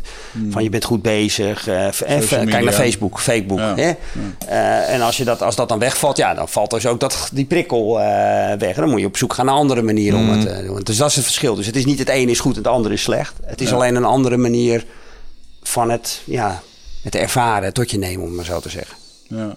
Ja, en daarbij zijn die Facebook likes wel het meest vluchtige. Maar het is wel waar. Ik dacht altijd dat het eh, een beetje een cliché was. Dan hoor je van die mensen en die, die, die doen het dan goed. En die kunnen dan eindelijk eh, hun, hun, een mooie huisje kopen en een mooie wagen kopen. En, als we- en dan zeggen ze je van, ja, maar eigenlijk als je het allemaal hebt en zo. Dat hebben we ook wel eens gehad. Dan zeiden die mensen dat en dan dacht je... Ja, makkelijk lullen heb je, weet je wel. En eh, we hebben zelf ook een roadmap. En op een gegeven moment mocht ik dan ook de auto kopen die ik eh, mezelf had beloofd. Nou, hartstikke leuk. Na vier weken dacht ik, ja, just another car. En eh, dat is wel waar. Het is, het is vluchtig. En je bent Ja. steeds op zoek naar een nieuwe fix. En Ja. daar betrap ik mezelf ook wel op. Want dan is het deze niet meer. Oh, maar ik weet nog wel een duurder merk. Ja. Ja, Nou ja, en, dat, en, en wat goed is om je te beseffen, dat ligt dus niet aan jou. Dat ligt dus gewoon aan, ehm, ja, aan de, ja, het omveld, het domein eh, van waar je dat geluk zoekt. De- de- de- plezier is nou eenmaal vluchtig. ja. Ook passie, hè, dat is ook zoiets. Mensen associëren, we hebben, passie is ook iets. Hè. Ik werk met passie. Werken vanuit je hartstocht wordt ook altijd, hè, is ook een hele belangrijke geluksdeterminant. Op het moment, eh, ga, maar, ga maar praten met mensen. En als we het hebben over werk en geluk en eh, dingen, dan hoor je heel vaak passieverhalen. Oh man, ik te gek en ik kan me helemaal mijn eieren in, eh, in kwijt. Dat is helemaal waar. Maar ook dat is niet echt bestendig. Je kunt niet, je, he- je kunt niet de hele dag als een of andere gepassioneerde eikel rondlopen. Nee. Dat Mag, werkt mag, mag niet. je wat vragen? Heb jij wel eens dat je... Want volgens mij vind je je werk hartstikke leuk. Ja. Maar heb je ook wel eens dat je... Oh, ik, word echt, ik heb echt geen zin vandaag. Tuurlijk. Ja, wij voelen ons daar Ja, wel eens schuldig tuurlijk. over. Dat we zoiets hebben, we doen echt de dingen die we willen. Maar Ja. ik heb gewoon echt geen zin vandaag. Nee, Maar absoluut. ik vind het ook Absoluut. het meest toxische ding wat ik nu in mijn Facebook feeds voorbij zie komen. Al die trainers die het hebben over volg je passie en volg Ja. dit en volg zus. En denk, man, man, man, het is echt helemaal niet. Je moet zeker doen wat je leuk vindt, maar Soms is het gewoon lekker om even te balen. ja, en alsof het... Alsof Maar het is ook heel egocentrisch. Hè? Dus, en, maar en, dan- en, en- maar dat, dat, dat kan ook niet anders. Het is namelijk ik geluk. Dat is mijn passie. Weet je wel? Dus de wereld moet zich vooral aanpassen aan mijn passie. Dus als de wereld anders gaat als ik, dan ervaar ik geen passie. Hè? Dus, dus het is, het is, dat maakt het ook lastig om het, om het vol te houden. Want ja, de wereld is niet zo gewillig om zich aan te passen aan, eh, aan, aan jou. Dus mensen komen ergens in de knel met dat, met dat, met dat passiestuk. Omdat het, ja, eh, het gaat niet altijd zoals dat jij wil of eigenlijk zoals jij nodig hebt om gepercipieerd te hebben dat je gepassioneerd kunt leven en, eh, en, en werken. Dat werkt gewoon niet zo. En dat, dat, is, dat is niet dat, de, dat het universum je ongewillig is. Dat heet gewoon realiteit. Zo zit dat eh, gewoon. Passie is vluchtig. En, eh, en, en er zijn, het, wordt op, het, het wordt aangewakkerd op bepaalde momenten en dan is het er. Maar het verdwijnt ook weer. eh, weer eh, en dat maakt, het, dat maakt het lastig om daarop te bouwen. Ja, ik denk dat je het als een instrument moet zien en niet als een, eh, als een, als een krachtbron. Overtuiging is veel sterker in dat Nou ja, opzicht. kijk, dat is, dat is dan wat ik heb geleerd over, over, over geluk. Op het moment dat je gewoon kunt accepteren dat al die vormen van geluk er zijn. Het ik-geluk is er als het er is. Het wij-geluk is er als het er is. Het zij-geluk is er en het het-geluk is er als het er, er is. En je, en je dat ook weer los kunt laten. Dan is het ook dan is het oké, weet je. Dan is het er, weet je, ik, ik heb er geen problemen mee als ik een keer een dag geen zin heb. Of als ik een dag eh, geen plezier heb of iets vervelends Ja, eh, of het gebeurt. omarmen. Je kan er, eh, de- wat ik nog wel eens doe, is er dan, dan maar even erin zwelgen. Ja. Zeg maar dat, dat je even, oh nou, ik heb het nou even. En dan is het na vijf minuten, dan kijk je naar jezelf en denk je, Ja. jeetje, ben je aan het doen joh. En dan ga je weer verder met je Ja, dag. maar gewoon erkennen. Het is gewoon wat het is. En, eh, en dan is het oké, weet je wel. Dan is het heerlijk als het er is. Maar het is ook oké als het er niet is. En eh, alleen ja, dat is, ja, dat, dat, dat, dat is, eh, ja, daar moeten, nog, daar moeten nog heel wat mensen heel erg aan wennen aan dat eh, geda- gedachtegoed. Ik denk dat, ik denk dat heel veel mensen eh, in onze westerse wereld vastzitten in het ik-geluk. En, ja, en, daar, en dat is gewoon een beperkt gebied. Weet je? Het, is, het is wat het is. En het is er als het er is. Maar het is er ook vooral als het, eh, niet als het er niet is. En als het er niet is en je wil het wel, ja, dan ont- ontwikkel je dus verslaving. Eigenlijk elke verslaving is een te ver doorgevoerde hechting aan, aan ik-geluk.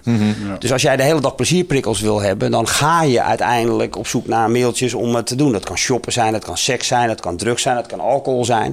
Maar uiteindelijk, ja, weet je, als je die plezierprikkel niet voelt, ga je hem toedienen. Ja, dat, is niet, ja, dat is niet een bestendig model, zeg maar. Nee, jij noemde dat eh, de hele well-being biology, volgens mij ook Ja. eh, in je taak. En dat zijn eigenlijk gewoon, eh, hormonale, biologische Ja. reacties. Wat ik dan nog wel even interessant vind is als je kijkt naar. je, je bent boeddhist en boeddhisme wordt vaak geassocieerd met een stuk verlichting, of in ieder Ja. geval bewustwording. Laten we er dan zo naar kijken. Ik denk dat die ook nodig is om tot dit soort visies op een maatschappij en een economie te kunnen komen. Daarmee moet je een klein beetje het hele verhaal. Ik wil niet zeggen ontstijgen, want dat suggereert een hiërarchie, maar eh, je moet Nee, er op een afstand naar. Ja, kijken. Ehm, en dat is ook een thema waar Wicht en ik wel mee worstelen. Van hoe ben je nou een, eh, een goed mens? Eh, of hoe, hoe kun je verlicht zijn? Of in ieder geval zorgen dat je ehm, je, je op een integere manier manifesteert in een dynamiek. Zaken doen die altijd die daar nog wel eens druk op zet. Ja. En toen kwam ik bij jouw boekje, eh, Verlicht in Business. Ja. En dat vond ik wel interessant, want daar zaten een aantal hele praktische dingen in. En jij hebt een paar hele eh, leuke, eh, dat vond ik heel Aziatisch, ik weet niet of dat de bedoeling was, ehm, les gecombineerd met een verhaal. Mhm. En er waren een aantal dingen van Verlicht uit Business. En misschien kunnen we heel even stilstaan bij die hoofdthema's die Ja, je daarin aannoemt. Omdat uh, kijken wat we daaruit kunnen halen voor onszelf in het kader van dit thema. Ehm, een van de eerste dingen was small. Ja, Om verlicht te worden. Hoe, moet, hoe, hoe verhoudt zich dat tot elkaar? Nou ja, dat, dat kijk, eh, ons ego eh, wil graag alles zo groot en meeslepend mogelijk. Hè? Want dat is namelijk hoe groter jouw daden, hoe groter het ego denkt, vindt, eh, jouw ego je vindt, denkt dat jij bent. Hè? En het ego bestaat bij gratie van afscheiding en, individu- en individualisering. Dat is nogmaals, hè, dat, dat is onze, je zou het ego ook kunnen eh, definiëren als ons, ons besef van zelf. Meer is het niet. Eh, dus eh, dus wij mensen zijn eigenlijk allemaal geïndoctrineerd, geïnfecteerd met het virus dat groots en meeslepend heet. We vieren kampioenen. We, we kijken vooral naar grootse prestaties. We, we kijken vooral naar helden die de, die Nee, de een heldenverhaal. Ja. groot. Ja, ja. Terwijl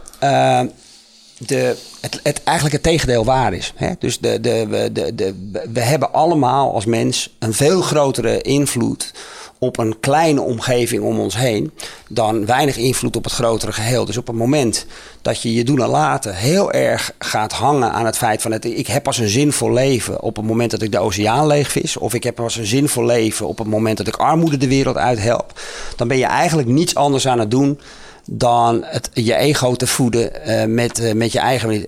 Terwijl eh, eh, jullie, als je straks naar huis gaat, et cetera, je, je, je hebt de hele dag invloed.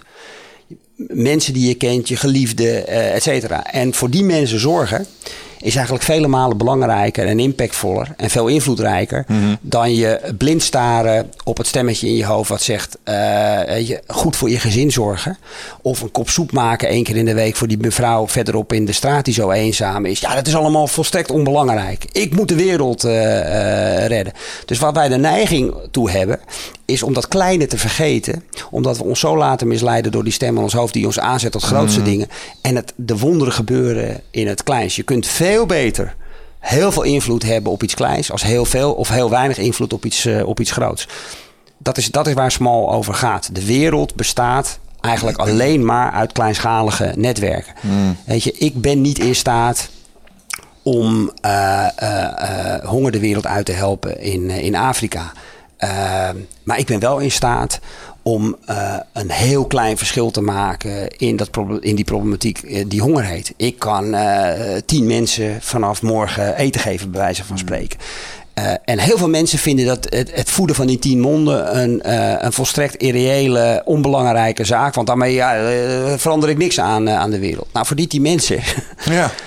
nou, dat, is, daar, dat is wat Smal over En gaat. die interactie die nemen zij weer mee. En met een beetje mazzel inspireren Ja, dus je zou mee. ook kunnen zeggen, Smal gaat ook over, gaat over dichtbij, gaat over nabijheid. Weet je, op het moment dat ik de wereld ervaar als groots, dan is er ook heel veel afstand. Terwijl dichtbij eh, is, eh, ook hiervoor geldt, ik, ik gebruik hem heel vaak, hè, de, de vergelijking met je gezinssituatie. Weet je, een gezin is een prachtig voorbeeld van een ontzettende kleine wereld. Eh, daar is nabijheid is de, is, de- is de norm. Je hebt geen functioneringsgesprekken met, eh, met je vrouw of met je, met Bij je jullie thuis kinderen. misschien niet, maar ik heb een maandelijkse Oh, cyclus. hoor. Good luck. Gewoon melden. Eh, je, hebt, je hebt het beste voor met je, met je, met je gezin. Als, als je kind op straat valt, dan is het volstrekt normaal en natuurlijk. En het huilt dat je er naartoe loopt en het, en het oppakt. Dat is klein. Ja. En, het, en dat toepassen op de grote wereld is precies hetzelfde. Dat, is het, dat is wat ik met klein bedoel. Is deze relevant voor ons? Kunnen wij hieruit halen?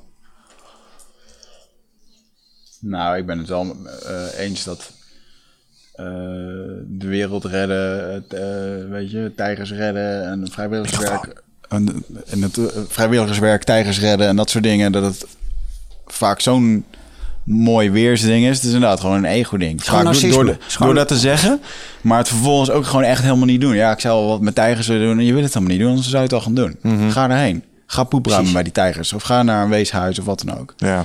Dus uh, uh, ja, uh, in je eigen omgeving.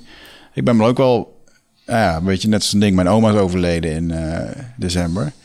toch weer de gedachte van, ja, fuck man. Ik had wel een paar keer dat ik het bedacht van, ik ben toch niet langs gegaan, had ik wel langs kunnen gaan, weet je wel. Mm. En ja, dat, vaak komen we pas door dat soort dingen, kom je daar weer, weer achter. Ja, snap ik. Alright, maar, is, maar, maar, maar het zit dus ook, hè, dat als je het hebt over compassie en empathie. Hè, de, de, de, definitie die ik heb geleerd van, uh, van compassie van mijn boeddhistische leraar is je, je, je, eigen gezicht in dat van een ander kunnen, kunnen zien. Kleiner wordt het niet. Weet je? Dus op een moment dat jij niet langer de vluchteling ziet, de vreemdeling hè, die hier binnen uh, komt. En dan ook vaak nog uh, zijn het dan ook nog mensen met een ander geloof. Maar jij kunt daar gewoon een mens zien. Sterker nog, je kunt zien je kunt jezelf verplaatsen in de situatie van die vluchteling. Mm. Hoe zou het zijn mm. om land, uh, huis en haar te moeten verlaten, om in een wild vreemd land, hoe zou ik zelf willen, willen ontvangen? Nou, ik, kan je, ik kan je verzekeren dat je dan met die ene persoon contact kunt maken en het verschil kunt uh, maken. Ja. En het lukt je niet op het moment dat je alleen maar een abstracte entiteit ziet die de vluchteling heet. Dat is ook klein. Klein gaat over, gaat over dat je je hart openstelt en durft open te stellen om iemand toe te laten. Nou, met name dat durven, want dat vind ik heel makkelijk. Want als je het voorbeeld met die vreemdelingen aanhaalt, dan merk ik dat ik direct alweer vier, vijf rationalisaties krijg. Ja. Zeg maar van, hé, hey, maar weet je wel wat we over de grenzen halen? En er zitten ook mensen tussen die hebben minder goede intenties. Ja. En dat is eigenlijk angst. Ja. ja. ja. En daar is ook niks mis mee, hè? Want uh, er is ook aanleiding om, uh, om, uh, om, om angst te, te, te hebben. maar wat dan helpt, is uh, is je jezelf in die situatie te, uh, te plaatsen. Te ja. zeggen van hoe zou ik willen. Hè? Ik weet niet of jullie mee hebben gekregen, maar ik vond dat dus echt een ongelooflijk fantastisch uh, verhaal. Dat in Barcelona de straatverkopers, de gelukzoekers. Dat zijn die Afrikaanse jongens die dan met, met boten over zijn gebracht. Die, die, die, die, die verkopen nepartikelen om te overleven. Dus die kopen nepshirts, verkopen nepshirtjes van, van Barcelona, et cetera. En die worden opgejaagd door de politie. En, uh, en wat hebben, nu, wat hebben nu een paar van die jongens bedacht? Die hebben een eigen merk gecreëerd. Dus die hebben nu, ze hebben nu, je kan dus nu bij de straatverkopers in, uh, in Barcelona hebben ze een eigen t-shirt ontwikkeld. Mm. Met een eigen merk, met een eigen logo. De naam is mij even ont, uh, ontschoten. en dat gaat over het feit dat ze met de boot zijn gekomen en aandacht vragen voor het verhaal. Weet je, ik vind dat van een inventiviteit getuigen. Dat ik, ik, ik heb letterlijk op Facebook gezegd: doe mij maar een paar van dat soort gelukzoekers. Want daar wordt de samenleving uh, alleen maar beter van. Mm. dus wij hebben de neiging om die mensen weg te zetten. Van ja, dat zijn mensen die komen hier, uh, die komen onze banen in, uh, in pikken, et cetera. Ja, als je in staat bent om te zien wat er voor nodig is om je land te verlaten, om je geluk te gaan zoeken in een ander land en de bereidwilligheid die je hebt om hier aan de slag te gaan, mm. dan zie je dat het een enorme verrijking is. En als je dan vervolgens ziet dat deze mensen die helemaal niets hebben, in staat zijn om een situatie uh, uh, met, met de nodige zelfspot enzovoort uh, te omarmen en dit te bedenken. Ja, ik vind dat een enorme verrijking. Dat, is, dat, gaat, over, dat gaat over klein. Mm. Weet je, kan je daarmee zeggen dat alle straatverkopers, alle mensen die nu op straat rondlopen die uit Afrika zijn gekomen, goed zijn? Nee, natuurlijk niet. Mm. Maar ze zijn ook allemaal niet, ze zijn zeker ook niet allemaal slecht. Nou, het zijn gewoon mensen op zoek naar een betere situatie. Net zoals, ik bedoel, ik snap het wel. Maar wat, eigenlijk vanuit het boeddhisme is het, um, dat vond ik ook een hele mooie quote. Ik, geloof niet dat die jou is, maar uh, do not study the object, become the object. Dus ja. probeer je even in te leven in de desbetreffende persoon ja. aan de overkant. Ja, nou ja, je, je eigen gezicht zien in dat van een ander. Ja. Hoe zou, hoe zou ik het vinden om, uh, om nu. Uh, dat is ook zoiets, hè, dat. Uh, subtiel, hè? maar uh, als je het hebt over sociale onderneming en arbeidsinclusiviteit, dan wordt er, wordt er vaak gepraat over mensen met afstand tot de arbeidsmarkt. Mm -hmm. uh, en dat wordt vaak gebruikt voor mensen die langdurig in uh, van die kaartenbakjes zitten, mm -hmm. waar ze niet uitkomen, omdat ze zogenaamd niet werkwillend zijn. Eh, maar pas als je gaat werken bij deze mensen, en ik ben nu sinds een aantal jaren daarmee mee bezig, dan ontdek je dus vaak dat er in deze groep mensen juist een enorme werkbereidwilligheid zit. Maar ze zijn, ze zijn zo behandeld eigenlijk als inferieure eh, mensen. Ze zijn zo onmenselijk behandeld eigenlijk. Door, ja, ze zijn weggezet als uh, van ja, met jou valt toch niks uh, te beginnen. Er wordt eigenlijk helemaal niet gevraagd wat ze wel willen. Er wordt alleen maar ge gefocust op wat ze niet willen of wat ze niet kunnen. Mm. Dat je dat je dat. Hè, dus als je het omdraait, dan zie je dus eigenlijk dat als je dus niet in staat bent om empathie op te brengen in zo'n proces. Ja, ontzettend snel mensen veroordeelt. En mensen met, er bestaan geen mensen met afstand tot de arbeidsmarkt. Er is een arbeidsmarkt die afstand heeft tot bepaalde mensen. Hè? Maar het blijkt Als iemand dus, die aan de wervende kant heeft gestaan, durf ik te beweren dat er wel degelijk incompetente mensen op de arbeidsmarkt ja, ja, maar, zijn. Maar voor, het, het, ik heb heel erg geleerd in de praktijk dat als jij je, jezelf echt, de, echt je best doet om uh, uh, het werk te vinden wat bij mensen past, dat er, er is niemand in, uh, in Nederland. Of er zijn heel, heel, heel, heel erg weinig mensen die het heerlijk vinden om aan de, aan de rand van de samenleving Nee, te hangen, dat- niet dat mee te doen. Mensen willen werken. Werk is veel meer dan alleen een inkomen. Werk is, gaat over zelfbeeld, gaat over collegialiteit, over al die dingen. Eh, alleen, het is de kunst om bij sommige mensen om die sleutel te vinden. Mhm. En dat kun je eigenlijk alleen maar doen op het moment dat je niet zozeer bezig bent met je eigen visie van die mensen. Ja. Maar te kijken, wat, is er, wat gaat er nou bij die man in om? Waarom zit deze man al tien jaar thuis en zit hij alleen maar te gamen en, eh, en eh, is hij verslaafd aan, eh aan hashish? Wat is er aan de hand? Ja. En dan is er altijd is er een reden. Want die man zit echt niet voor zijn plezier tien jaar lang alleen maar thuis. En zelfs al zegt hij dat, dan zit er vaak een verhaal Ja, achter tuurlijk. waarin er beschadigingen zijn geweest. Ja, En, ik, eh, ik heb een tijdje vrijwilligerswerk gedaan bij de voedselbank. En eh, niemand gaat voor de lol naar de voedselbank toe. En dan heb je het inderdaad over vluchtelingen die eh 250 euro krijgen. En een keer een boete krijgen of weet ik veel wat. En dan helemaal in dat systeem vastkomen waardoor ze echt niks meer kunnen. Dat je gewoon min, vier, dat je min 400 per maand verdient. Ja, ja, ja, ja, ja, omdat Dat je leningen dingen. hebt of schulden Ja. of wat dan ook. Ja. En ook, ehm hij moest dan wel weer lachen dat er, er worden gasten daar aan het werk gezet die een gevangenisstraf hebben en die dan moeten werken. En eh, ja, weet je, dat zijn weer hele andere gesprekken. Dus de een staat om, vo- om voedsel te be- bedelen, de ander heeft eigenlijk geen zin om te werken, moet daar werken. Dus het is een hele mooie mengeling daar, wat er allemaal eh, Ja. voorbij komt. Maar daar heb ik inderdaad ook wel mensen gezien. En ook, ik heb zelf een keertje drie maanden in een magazijn gewerkt waarbij ik gewoon dom inpakwerk moest doen. Echt dom inpakwerk. En daar, ja, joh, daar, daar heb ik wel echt mensen gezien waarvan ik dacht van, pjoe, wat, ja, waar, waar, ben jij, waar ben jij goed voor eigenlijk, om het zo te zeggen, weet je? ja, want we En, doen eh, hier wel... ehm, dat vind ik ook wel maar eens... kun hè. je wel, kun je dan, want dat is dan, dan belangrijk in deze, kun je dan voor je, ben je je dan wel bewust van het feit dat het jouw interpretatie is van die persoon? Nou, ik zie wel dat het een, eh, een eh, dat de persoon daar gewoon niet op zijn plek zit. Eh, dat ik natuurlijk gewoon een bepaalde perceptie heb over hoe dingen beter zouden Mm. kunnen of hoe ik het zou doen. Maar ik zie vooral heel erg dat ze vastzitten in een systeem waar ze zelf niet uit kunnen komen. En, de- en ook de problemen die zij met hun hoofd maken, die kunnen zij niet met hun hoofd oplossen. Nee. Want anders hadden ze het al gedaan. Ja, dat had gedaan, precies. Dus Ja. ja. ja, ik heb daar wel, eh, ik heb daar ook wel echt geleerd. Eh, ik, heb, ik heb echt gesprek gehad met mensen van 43 die de hele dag niks anders deden dan zitten. En dit was dan het luxe baantje daar. Zitten, een pakketje pakken, het scannen, eh, iets intypen en het wegleggen. Ja, dat is wel best- En dat was ja. de, dat was de baan die kreeg je na een aantal jaar daar werken. Moest goed je best doen. En, eh, en met een man gesproken van 43. En die, ja, toen zei ik ook van, joh, maar is er niks. En die ging dan 's ochtends om. Eh, ik had het vorige keer volgens mij ook verteld met Casper hier. Die was ergens ontslagen in een fabriek in Limburg, waar ze rubberen ballen maakten of zo. Nou, die ging dan nu hier werken.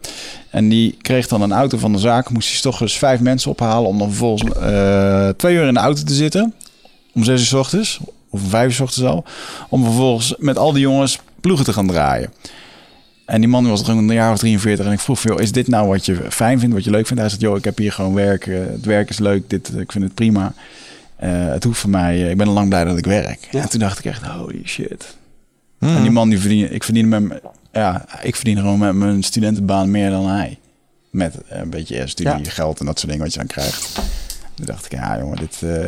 ja, eye-opener voor mij, weet je. Ik bedoel, eh, makkelijk vertellen voor sommige mensen, maar... Maar mooie oefening, want ja, weet je, vanuit jouw blik kijk je erop neer en denk je van, jezus man, worden ze. Maar ja, voor hem is, was dit waarschijnlijk uh, was het oké. En, uh, en voor de mensen waar, waar, waarvoor het niet oké is, ja, dan die moet, ja, weet je, uiteindelijk, zoals dat voor ons allemaal geldt, kom je pas in beweging op het moment dat voor jezelf de, de kosten hoger zijn dan de baat. Op het moment Mm. dat je dat je in een situatie zit die niet oké is, maar de pijn is nog niet uh, groot genoeg. Het lijden blijf je erin zitten. Zo zitten mensen in elkaar. Mensen leren alleen maar door schade en schande. Ja, het moeilijke is ook uh, met, met, je oordeel is omdat um, uh, we hebben een bepaalde we hebben een bepaalde ruimte in ons hoofd, denk ik. En uh, mij is ook wel eens op het hart gedrukt van... ja, maar die ruimte is niet even vanzelfsprekend voor iedereen. Die conclusies en die opties die jij voorbij ziet komen... op het moment dat je een probleem ziet, dat, heeft niet iedereen. Nee. Nee. En uh, daar moet je ook gewoon respect en rekening voor hebben... en moet je rekening mee houden. Ja. Net zoals dat jij waarschijnlijk nooit over de 250 kilo zult deadliften. Daar ben je gewoon te lang voor, weet je wel. Kun je op je buik schuiven.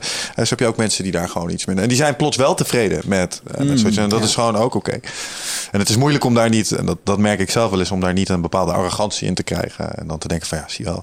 Natuurlijke nee, ja, selectie kijk, is dood en weet je wel. Kijk, ik, je, je zei net iets, ik, ik, voel toch even de behoefte om daarop terug uh, te komen. Van, uh, ja, ik, we hebben, ik heb een behoefte om een goed mens uh, te zijn. Nou, weet je, kijk, ik, ik, geloof niet zo in goede mensen. Ik geloof ook niet dat de betekeniseconomie gaat over het vieren van het, van het goede. Ik geloof ook niet dat purposeful entrepreneurs goede mensen zijn.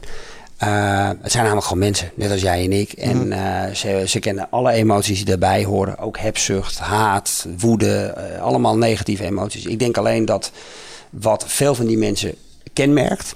En dat is iets wat het boeddhisme mij enorm heeft geleerd, is dat je er bewust van kunt zijn. Dus of, je, of je, je hebt woede, of je bent woede, om het maar even zo te zeggen. Ja, ja, ja, ja. En ik denk, dat dat, ik denk dat dat een heel belangrijk verschil is. Dus ik, ik, ik geloof oprecht niet, sterker nog, hè, er is in het boeddhisme een heel mooi, uh, mooie uitspraak, een gevleugelde uitspraak, kill de Boeddha. Dus als je de Boeddha ziet lopen, iemand die zichzelf als de Boeddha uitgeeft, die moet je zo snel mogelijk omleggen. Want dat is de meest onbetrouwbare persoon uh, op, uh, op aarde. Dus mensen die zichzelf als verlicht uitgeven, die zeggen nee, die moet je het, het minst vertrouwen. Uh, uh, want ja, weet je, die, ja, die, die, die zijn of bezig bij zichzelf allerlei dingen te ontkennen, of, zich, of in ieder geval ervoor te zorgen dat jij al die kwaliteiten niet, uh, niet ziet. Dus verlichting gaat in die zin over niets anders als gewoon een volledig bewustzijn. Ja. Eh, dus ook over, over alle negatieve kanten van, je, Mm. van jezelf. En die vooral niet meer als negatief te zien, maar gewoon als kanten van, je, van, je, van jezelf. Hè, dus hebzucht enzovoort. Ja, weet je, een mens zonder hebzucht, de eerste mens zonder hebzucht moet nog geboren worden.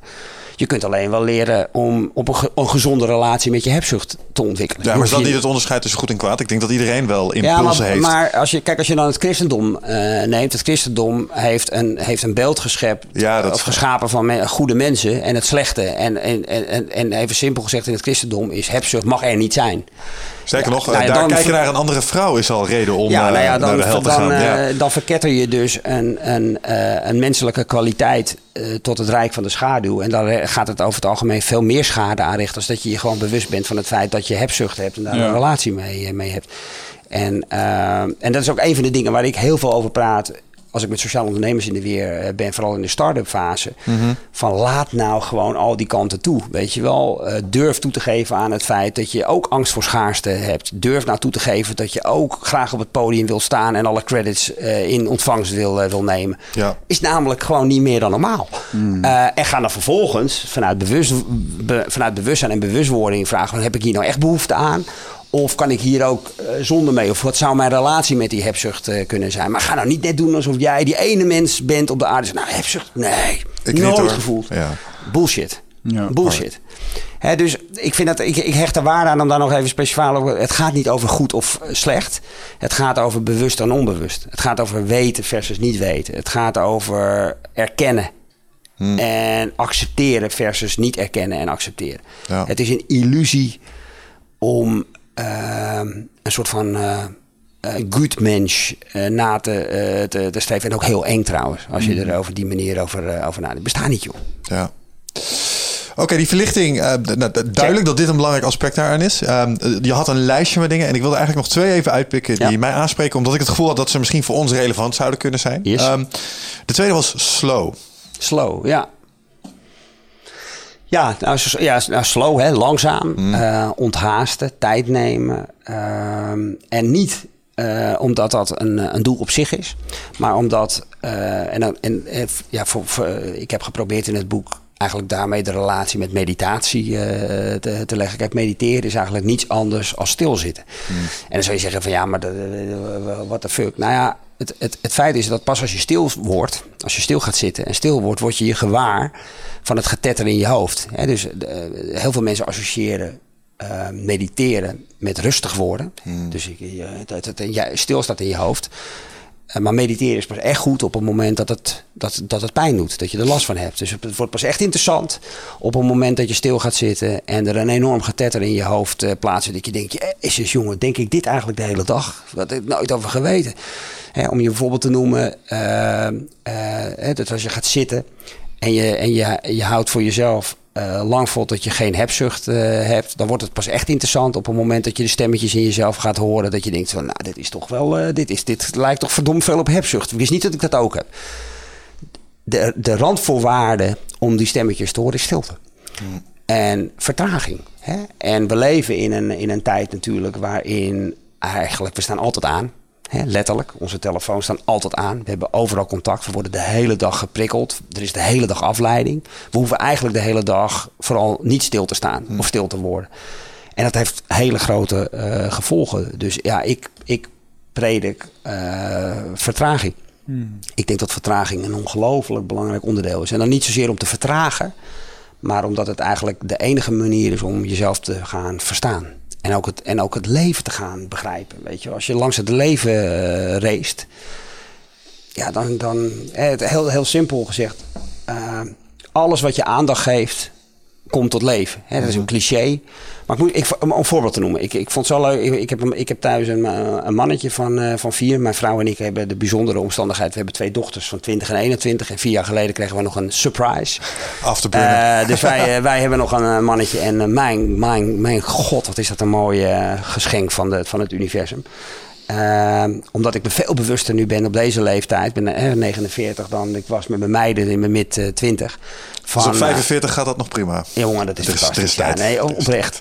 Maar uh, we zaten samen, we zaten samen, we, we, zaten samen in, uh, in bed, hij werd wakker en uh, we de kindertelevisie kijken. En er was een filmpje waarin een, een, een rups verandert in een vlinder. Een natuurfilmpje op Jim Jam, zo'n zo'n kinderzender. Ja. En en uh, omdat mijn zoon gebiologeerd zat te kijken, die vond het, uh, die begint die, die, bijna vier, dus die begint dat begrip te begrijpen en allemaal vragen stellen. Papa, hoe zit dat nou? Weet ik mezelf eigenlijk, gewoon door te laten kijken, gewaar wat een wonder het eigenlijk is. Hè? Dat een rups een vlinder wordt. Als je erover nadenkt, is het, het is onvoorstelbaar.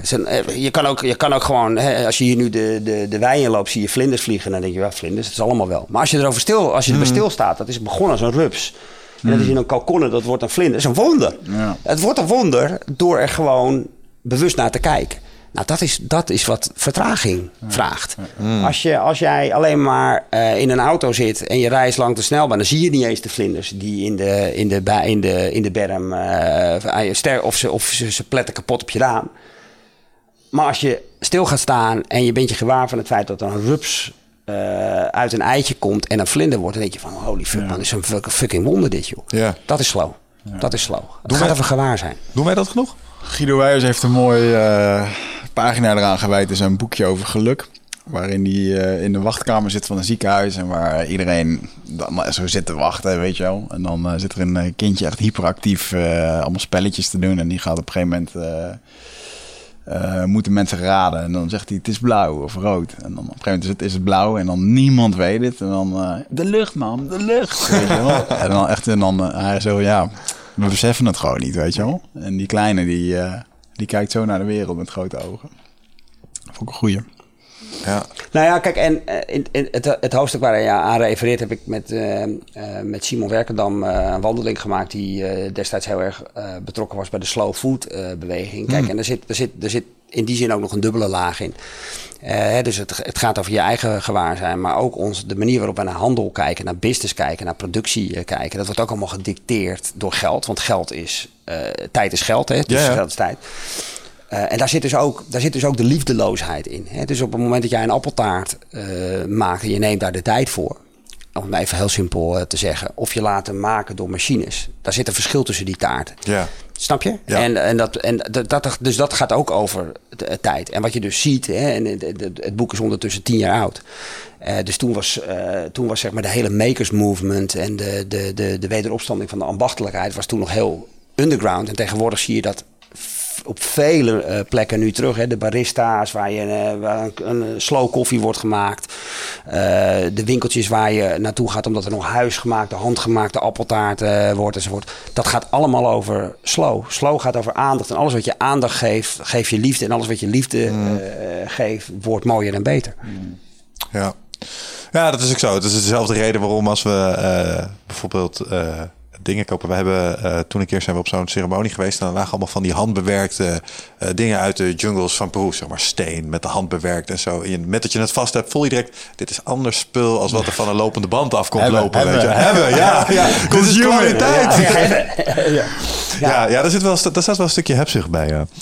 Ehm, all right. nog Duidelijk. En dan heb ik nog een, eh, dan heb ik nog een laatste die bij mij wel eh, resoneren. En dat was Spirit. Ja. Kun je daar iets over vertellen? Nou ja, eh, kijk, spiritualiteit eh, wordt, ehm, wordt, wordt, wordt in onze westerse eh, manier van, eh, van kijken en denken eh, ja, heel erg toegekend aan het hogere. Het, het, en ehm, dat, dat, is, dat is een manier om er naar, eh, maar naar te kijken. Wat ik heel erg heb geleerd eh, vanuit het boeddhisme is dat eigenlijk spiritualiteit is eigenlijk realiteit. Hè? Dus, dus het, eh, als je naar een bloem kijkt en je ziet alleen een bloem, eh, dan zie je eigenlijk niet dat die bloem het hele universum is. Tegelijkertijd, die bloem is ontegenzeggelijk het hele universum. Je ziet het zaadje niet, je ziet de zon niet, je ziet het regenwater niet, je ziet de mineralen niet, je ziet de aarde niet, maar ze zitten wel degelijk in de, in de, in de bloem. En dat is, dat is waar spiritualiteit over gaat. Hè? De spiritualiteit betekent, je, wat mij betreft, je bewustzijn, je gewaarzijn van, van wat er is. Hè? Dus eh, als je, een, een- een heel simpel voorbeeld is, eh, eh, als je naar jezelf kijkt, hè, naar, je, naar je tijdsbesef, dan heb je, heb je het gevoel, en dat is ook 100% is hetzelfde als dat je naar een bloem kijkt en zegt, ik zie een bloem. Als je naar jezelf kijkt, zeg je, nou, ik ben geboren op die dag. En ik ga op deze dag dood. En dat is mijn bestaan. Hè? Ik besta tussen deze twee eh, criteria. De dag dat ik geboren ben, werd ik, bestond ik. De dag dat ik begraven ben, bestond ik niet. Dat is een 100% eh, valide manier om naar je bestaan te kijken. Maar vanuit spiritualiteit kun je zeggen van ja, maar dat is natuurlijk helemaal niet waar. Want jij bent veroorzaakt door je ouders. Heel simpel gezegd. Als jouw ouders eh, geen bevruchting te, teweeg hadden eh, gebracht, had jij nooit eh, gemaakt kunnen, kunnen worden. Dus dat betekent eigenlijk dat je sowieso al negen maanden voordat je bestond, bestond. En als, je, en als je dan nog iets wijder gaat kijken vanuit spiritualiteit, dan kun je ontdekken van nee, dat is eigenlijk interessant, want ik ben dus eigenlijk een voortzetting van mijn ouders. En als ik een voortzetting ben van mijn ouders, dan ben ik niet alleen een voortzetting van mijn ouders, maar dan ben ik ook een voortzetting van hun ouders. En hun ouders. En dat is eh, net zo waar als dat het waar is dat je op de dag dat je geboren bent eh, ging eh, bestaan. Ken je Bill Bryson? Jazeker. Die heeft een fantastische intro in zijn boekje hierover. Over exact dit. Ja, nou ja, dat, maar dat is, dat, dat is ook spiritueel. En hetzelfde geldt als je doodgaat. Hè. Je kan zeggen, nou, als ik doodga, dan hou ik op te bestaan. Maar is dat waar? Hè? Je hebt kinderen gekregen. Die heb je gedachten goed overgebracht. Dat leeft, dat, leeft, dat leeft voort. Je hebt dingen gecreëerd die na jouw dood blijven bestaan. Ook al heb je een, in jouw ogen misschien een volstrekt zinloos bestaan eh, geleid. Ja. Een zinloos bestaan bestaat niet. Nee. Je hebt allemaal invloed en impact. En, dat, nou, en wat voor mij spiritualiteit is, is de erkenning van die dubbele laag die er altijd is. En die is er altijd, hè? Dus als je, of je nou naar een bloem kijkt of naar jezelf of naar een tafel, die dubbele laag zien is, is eigenlijk de spiritualiteit. En ik denk, vind zelf dat die laag zien is wat het leven bijzonder maakt. Hè, want ja, weet je, er is niks mis met eh, accepteren dat je gewoon geboren bent en je op een dag weer doodgaat. Eh, maar je gewaar zijn van het feit van holy shit, mijn ouders en dit en mijn opa, oh dit en dat, waar komt dat dan vandaan? Ja, dat maakt het leven, vind ik, een heel stuk interessanter en, eh, en mooier en leuker. Ja. En, ook heel, en ook eerder gezegd, reëler. Ja. Ik vond wat je net zei over dat eh, naar voren, eh, zeg maar, dat wat je doet, dat het ook naar voren soort van echoot. Moest meteen aan jouw favoriete de- film denken. Gladiator. Gladiator, ja. What you do now echoes on in eternity. En dan die berg af. Ja, en, en, maar dat, ook hiervoor geldt, dat zit hem dus niet in het grootste en meeslepende. Het is dus niet zo nogmaals, we hebben een samenleving waarin dat zo ego gedreven is dat we alleen maar in de geschiedenisboeken de verhalen lezen van mensen die de meest geweldige dingen teweeg hebben gebracht. Dat is toch allemaal bullshit. Kijk naar, je, kijk, naar je, kijk naar jezelf, duik in je familiegeschiedenis en je zult zien dat allerlei mensen die de boeken niet hebben gehaald een ongelooflijke profane invloed hebben gehad op hun directe omgeving. Ja. Weet je, en uh, even heel simpel gezegd, je leert het meeste van je, van je ouders.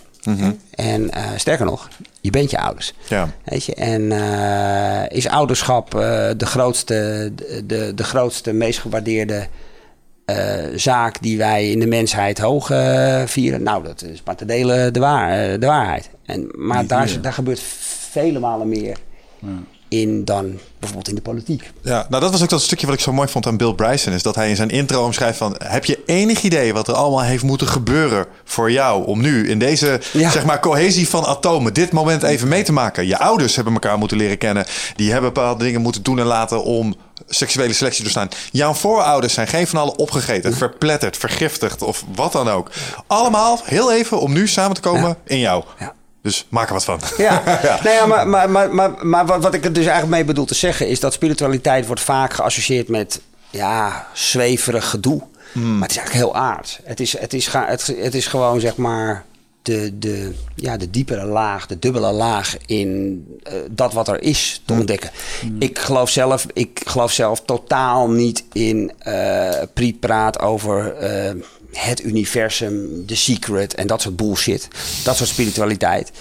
Uh, maar ik geloof wel heel erg in. Uh, uh, nou ja, in wat ik zei, in het wonder bijvoorbeeld van die bloem.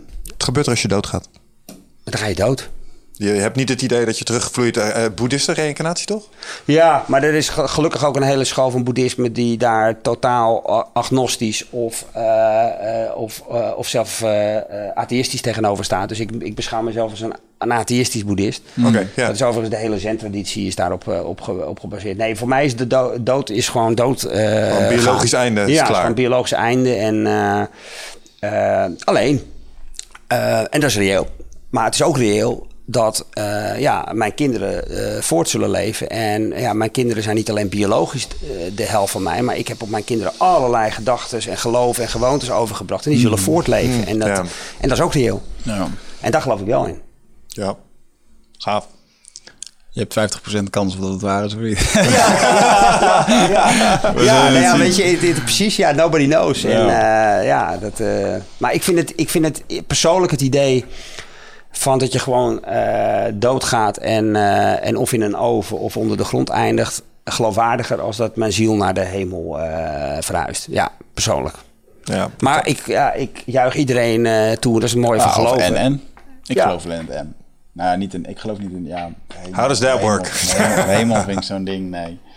Maar ik geloof wel dat je geest ergens naartoe gaat wat... eh, het is niet tastbaar, dus ja, er zijn zoveel dingen niet tastbaar. Wat mij altijd opvalt is dat alles op deze, eh, in, in deze werkelijkheid een cyclisch karakter lijkt te hebben. Mhm. Er- er, er is wel komen en gaan, maar het, het, het, het- als je kijkt naar sterren, zeg maar, sterren zeg maar, ontstaan, ontploffen, maken sterrenstof. Daar komen dan weer eh, mensen uit voort. Maar de hele cyclus staat eigenlijk per direct weer opnieuw. Omdat eh, zeg maar, die het gaat elkaar weer aantrekken en dat soort dingen. Dus Ja. het universum is complex, man. Dus ehm, ja, ik weet het Ja, niet. ik, ik, ik weet niet of jullie dat vroeger eh, hebben gedaan. Ik wel als kind.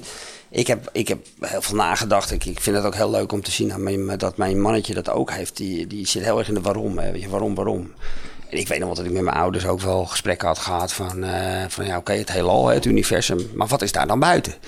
Hè? Dat, ja, is, die, is dat dan oneindig? Maar wat is dan, wat is dan oneindig? Ja. En, en, en nu, hè, ik hoor het later ook weer. Nee, nee, het universum is wel degelijk eindig. Ja, Oké, check. Maar wat ligt daar dan buiten? Weet Ja. je, wat is dat? Ik vind dat fascinerende materie. Breinbrekers. ja, dat is net als met de Big Bang. Ja, maar hoe, hoe zit het dan precies? Want je hebt zo'n singulariteit en dat komt ineens alles dan uit. Maar wat zat er dan voor dan precies? Ja. Want wat is niets dan? Hoe, hoe- Ja. hoe Ja. werkt dat? Ja. maar dat... Weet je, eh, soms moet je ook gewoon accepteren dat eh, er een limiet zit aan de biologie. Ja. En wij Ja. gewoon op dat niveau gewoon niet mee kunnen Nee, doen. nee ik, eh, Ik heb wel eens aan een ayahuasca-sessie gevraagd hoe dat het allemaal zat. En toen werd er mij letterlijk verteld, dat kan jouw brein niet aan, want dan ontploft niet. het. En toen begon het eenmaal te ratelen over wat, hoe het dan allemaal werkte. En toen kreeg ik inderdaad ook gewoon zo, ja, dit, dit ga ik nooit begrijpen. Laat maar. Laat maar. Ja, laat maar. Ja, ja, ja. ja. ja, en daarin berusten is, eh, is ook helemaal oké, toch? Ja. Ik denk dat de mooiste weergaven die ik ooit heb gezien zijn fractals. Dus Ja. als je naar wiskunde kijkt en je kijkt naar fractals en je ziet hoe die zijn opgebouwd en je ziet hoe complex dat is.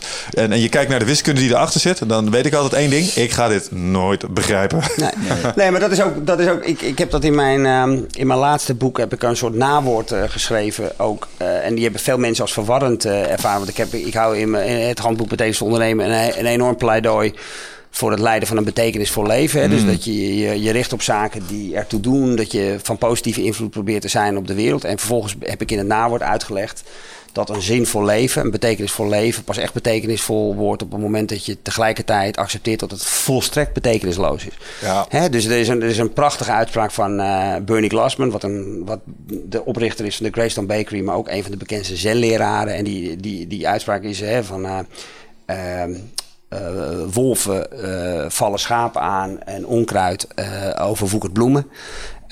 En dat zijn natuurwetten. en ik heb mijn hele leven geleid aan het, of ik zal mijn hele leven leiden aan het proberen te beëindigen van, van lijden als ik dat zie.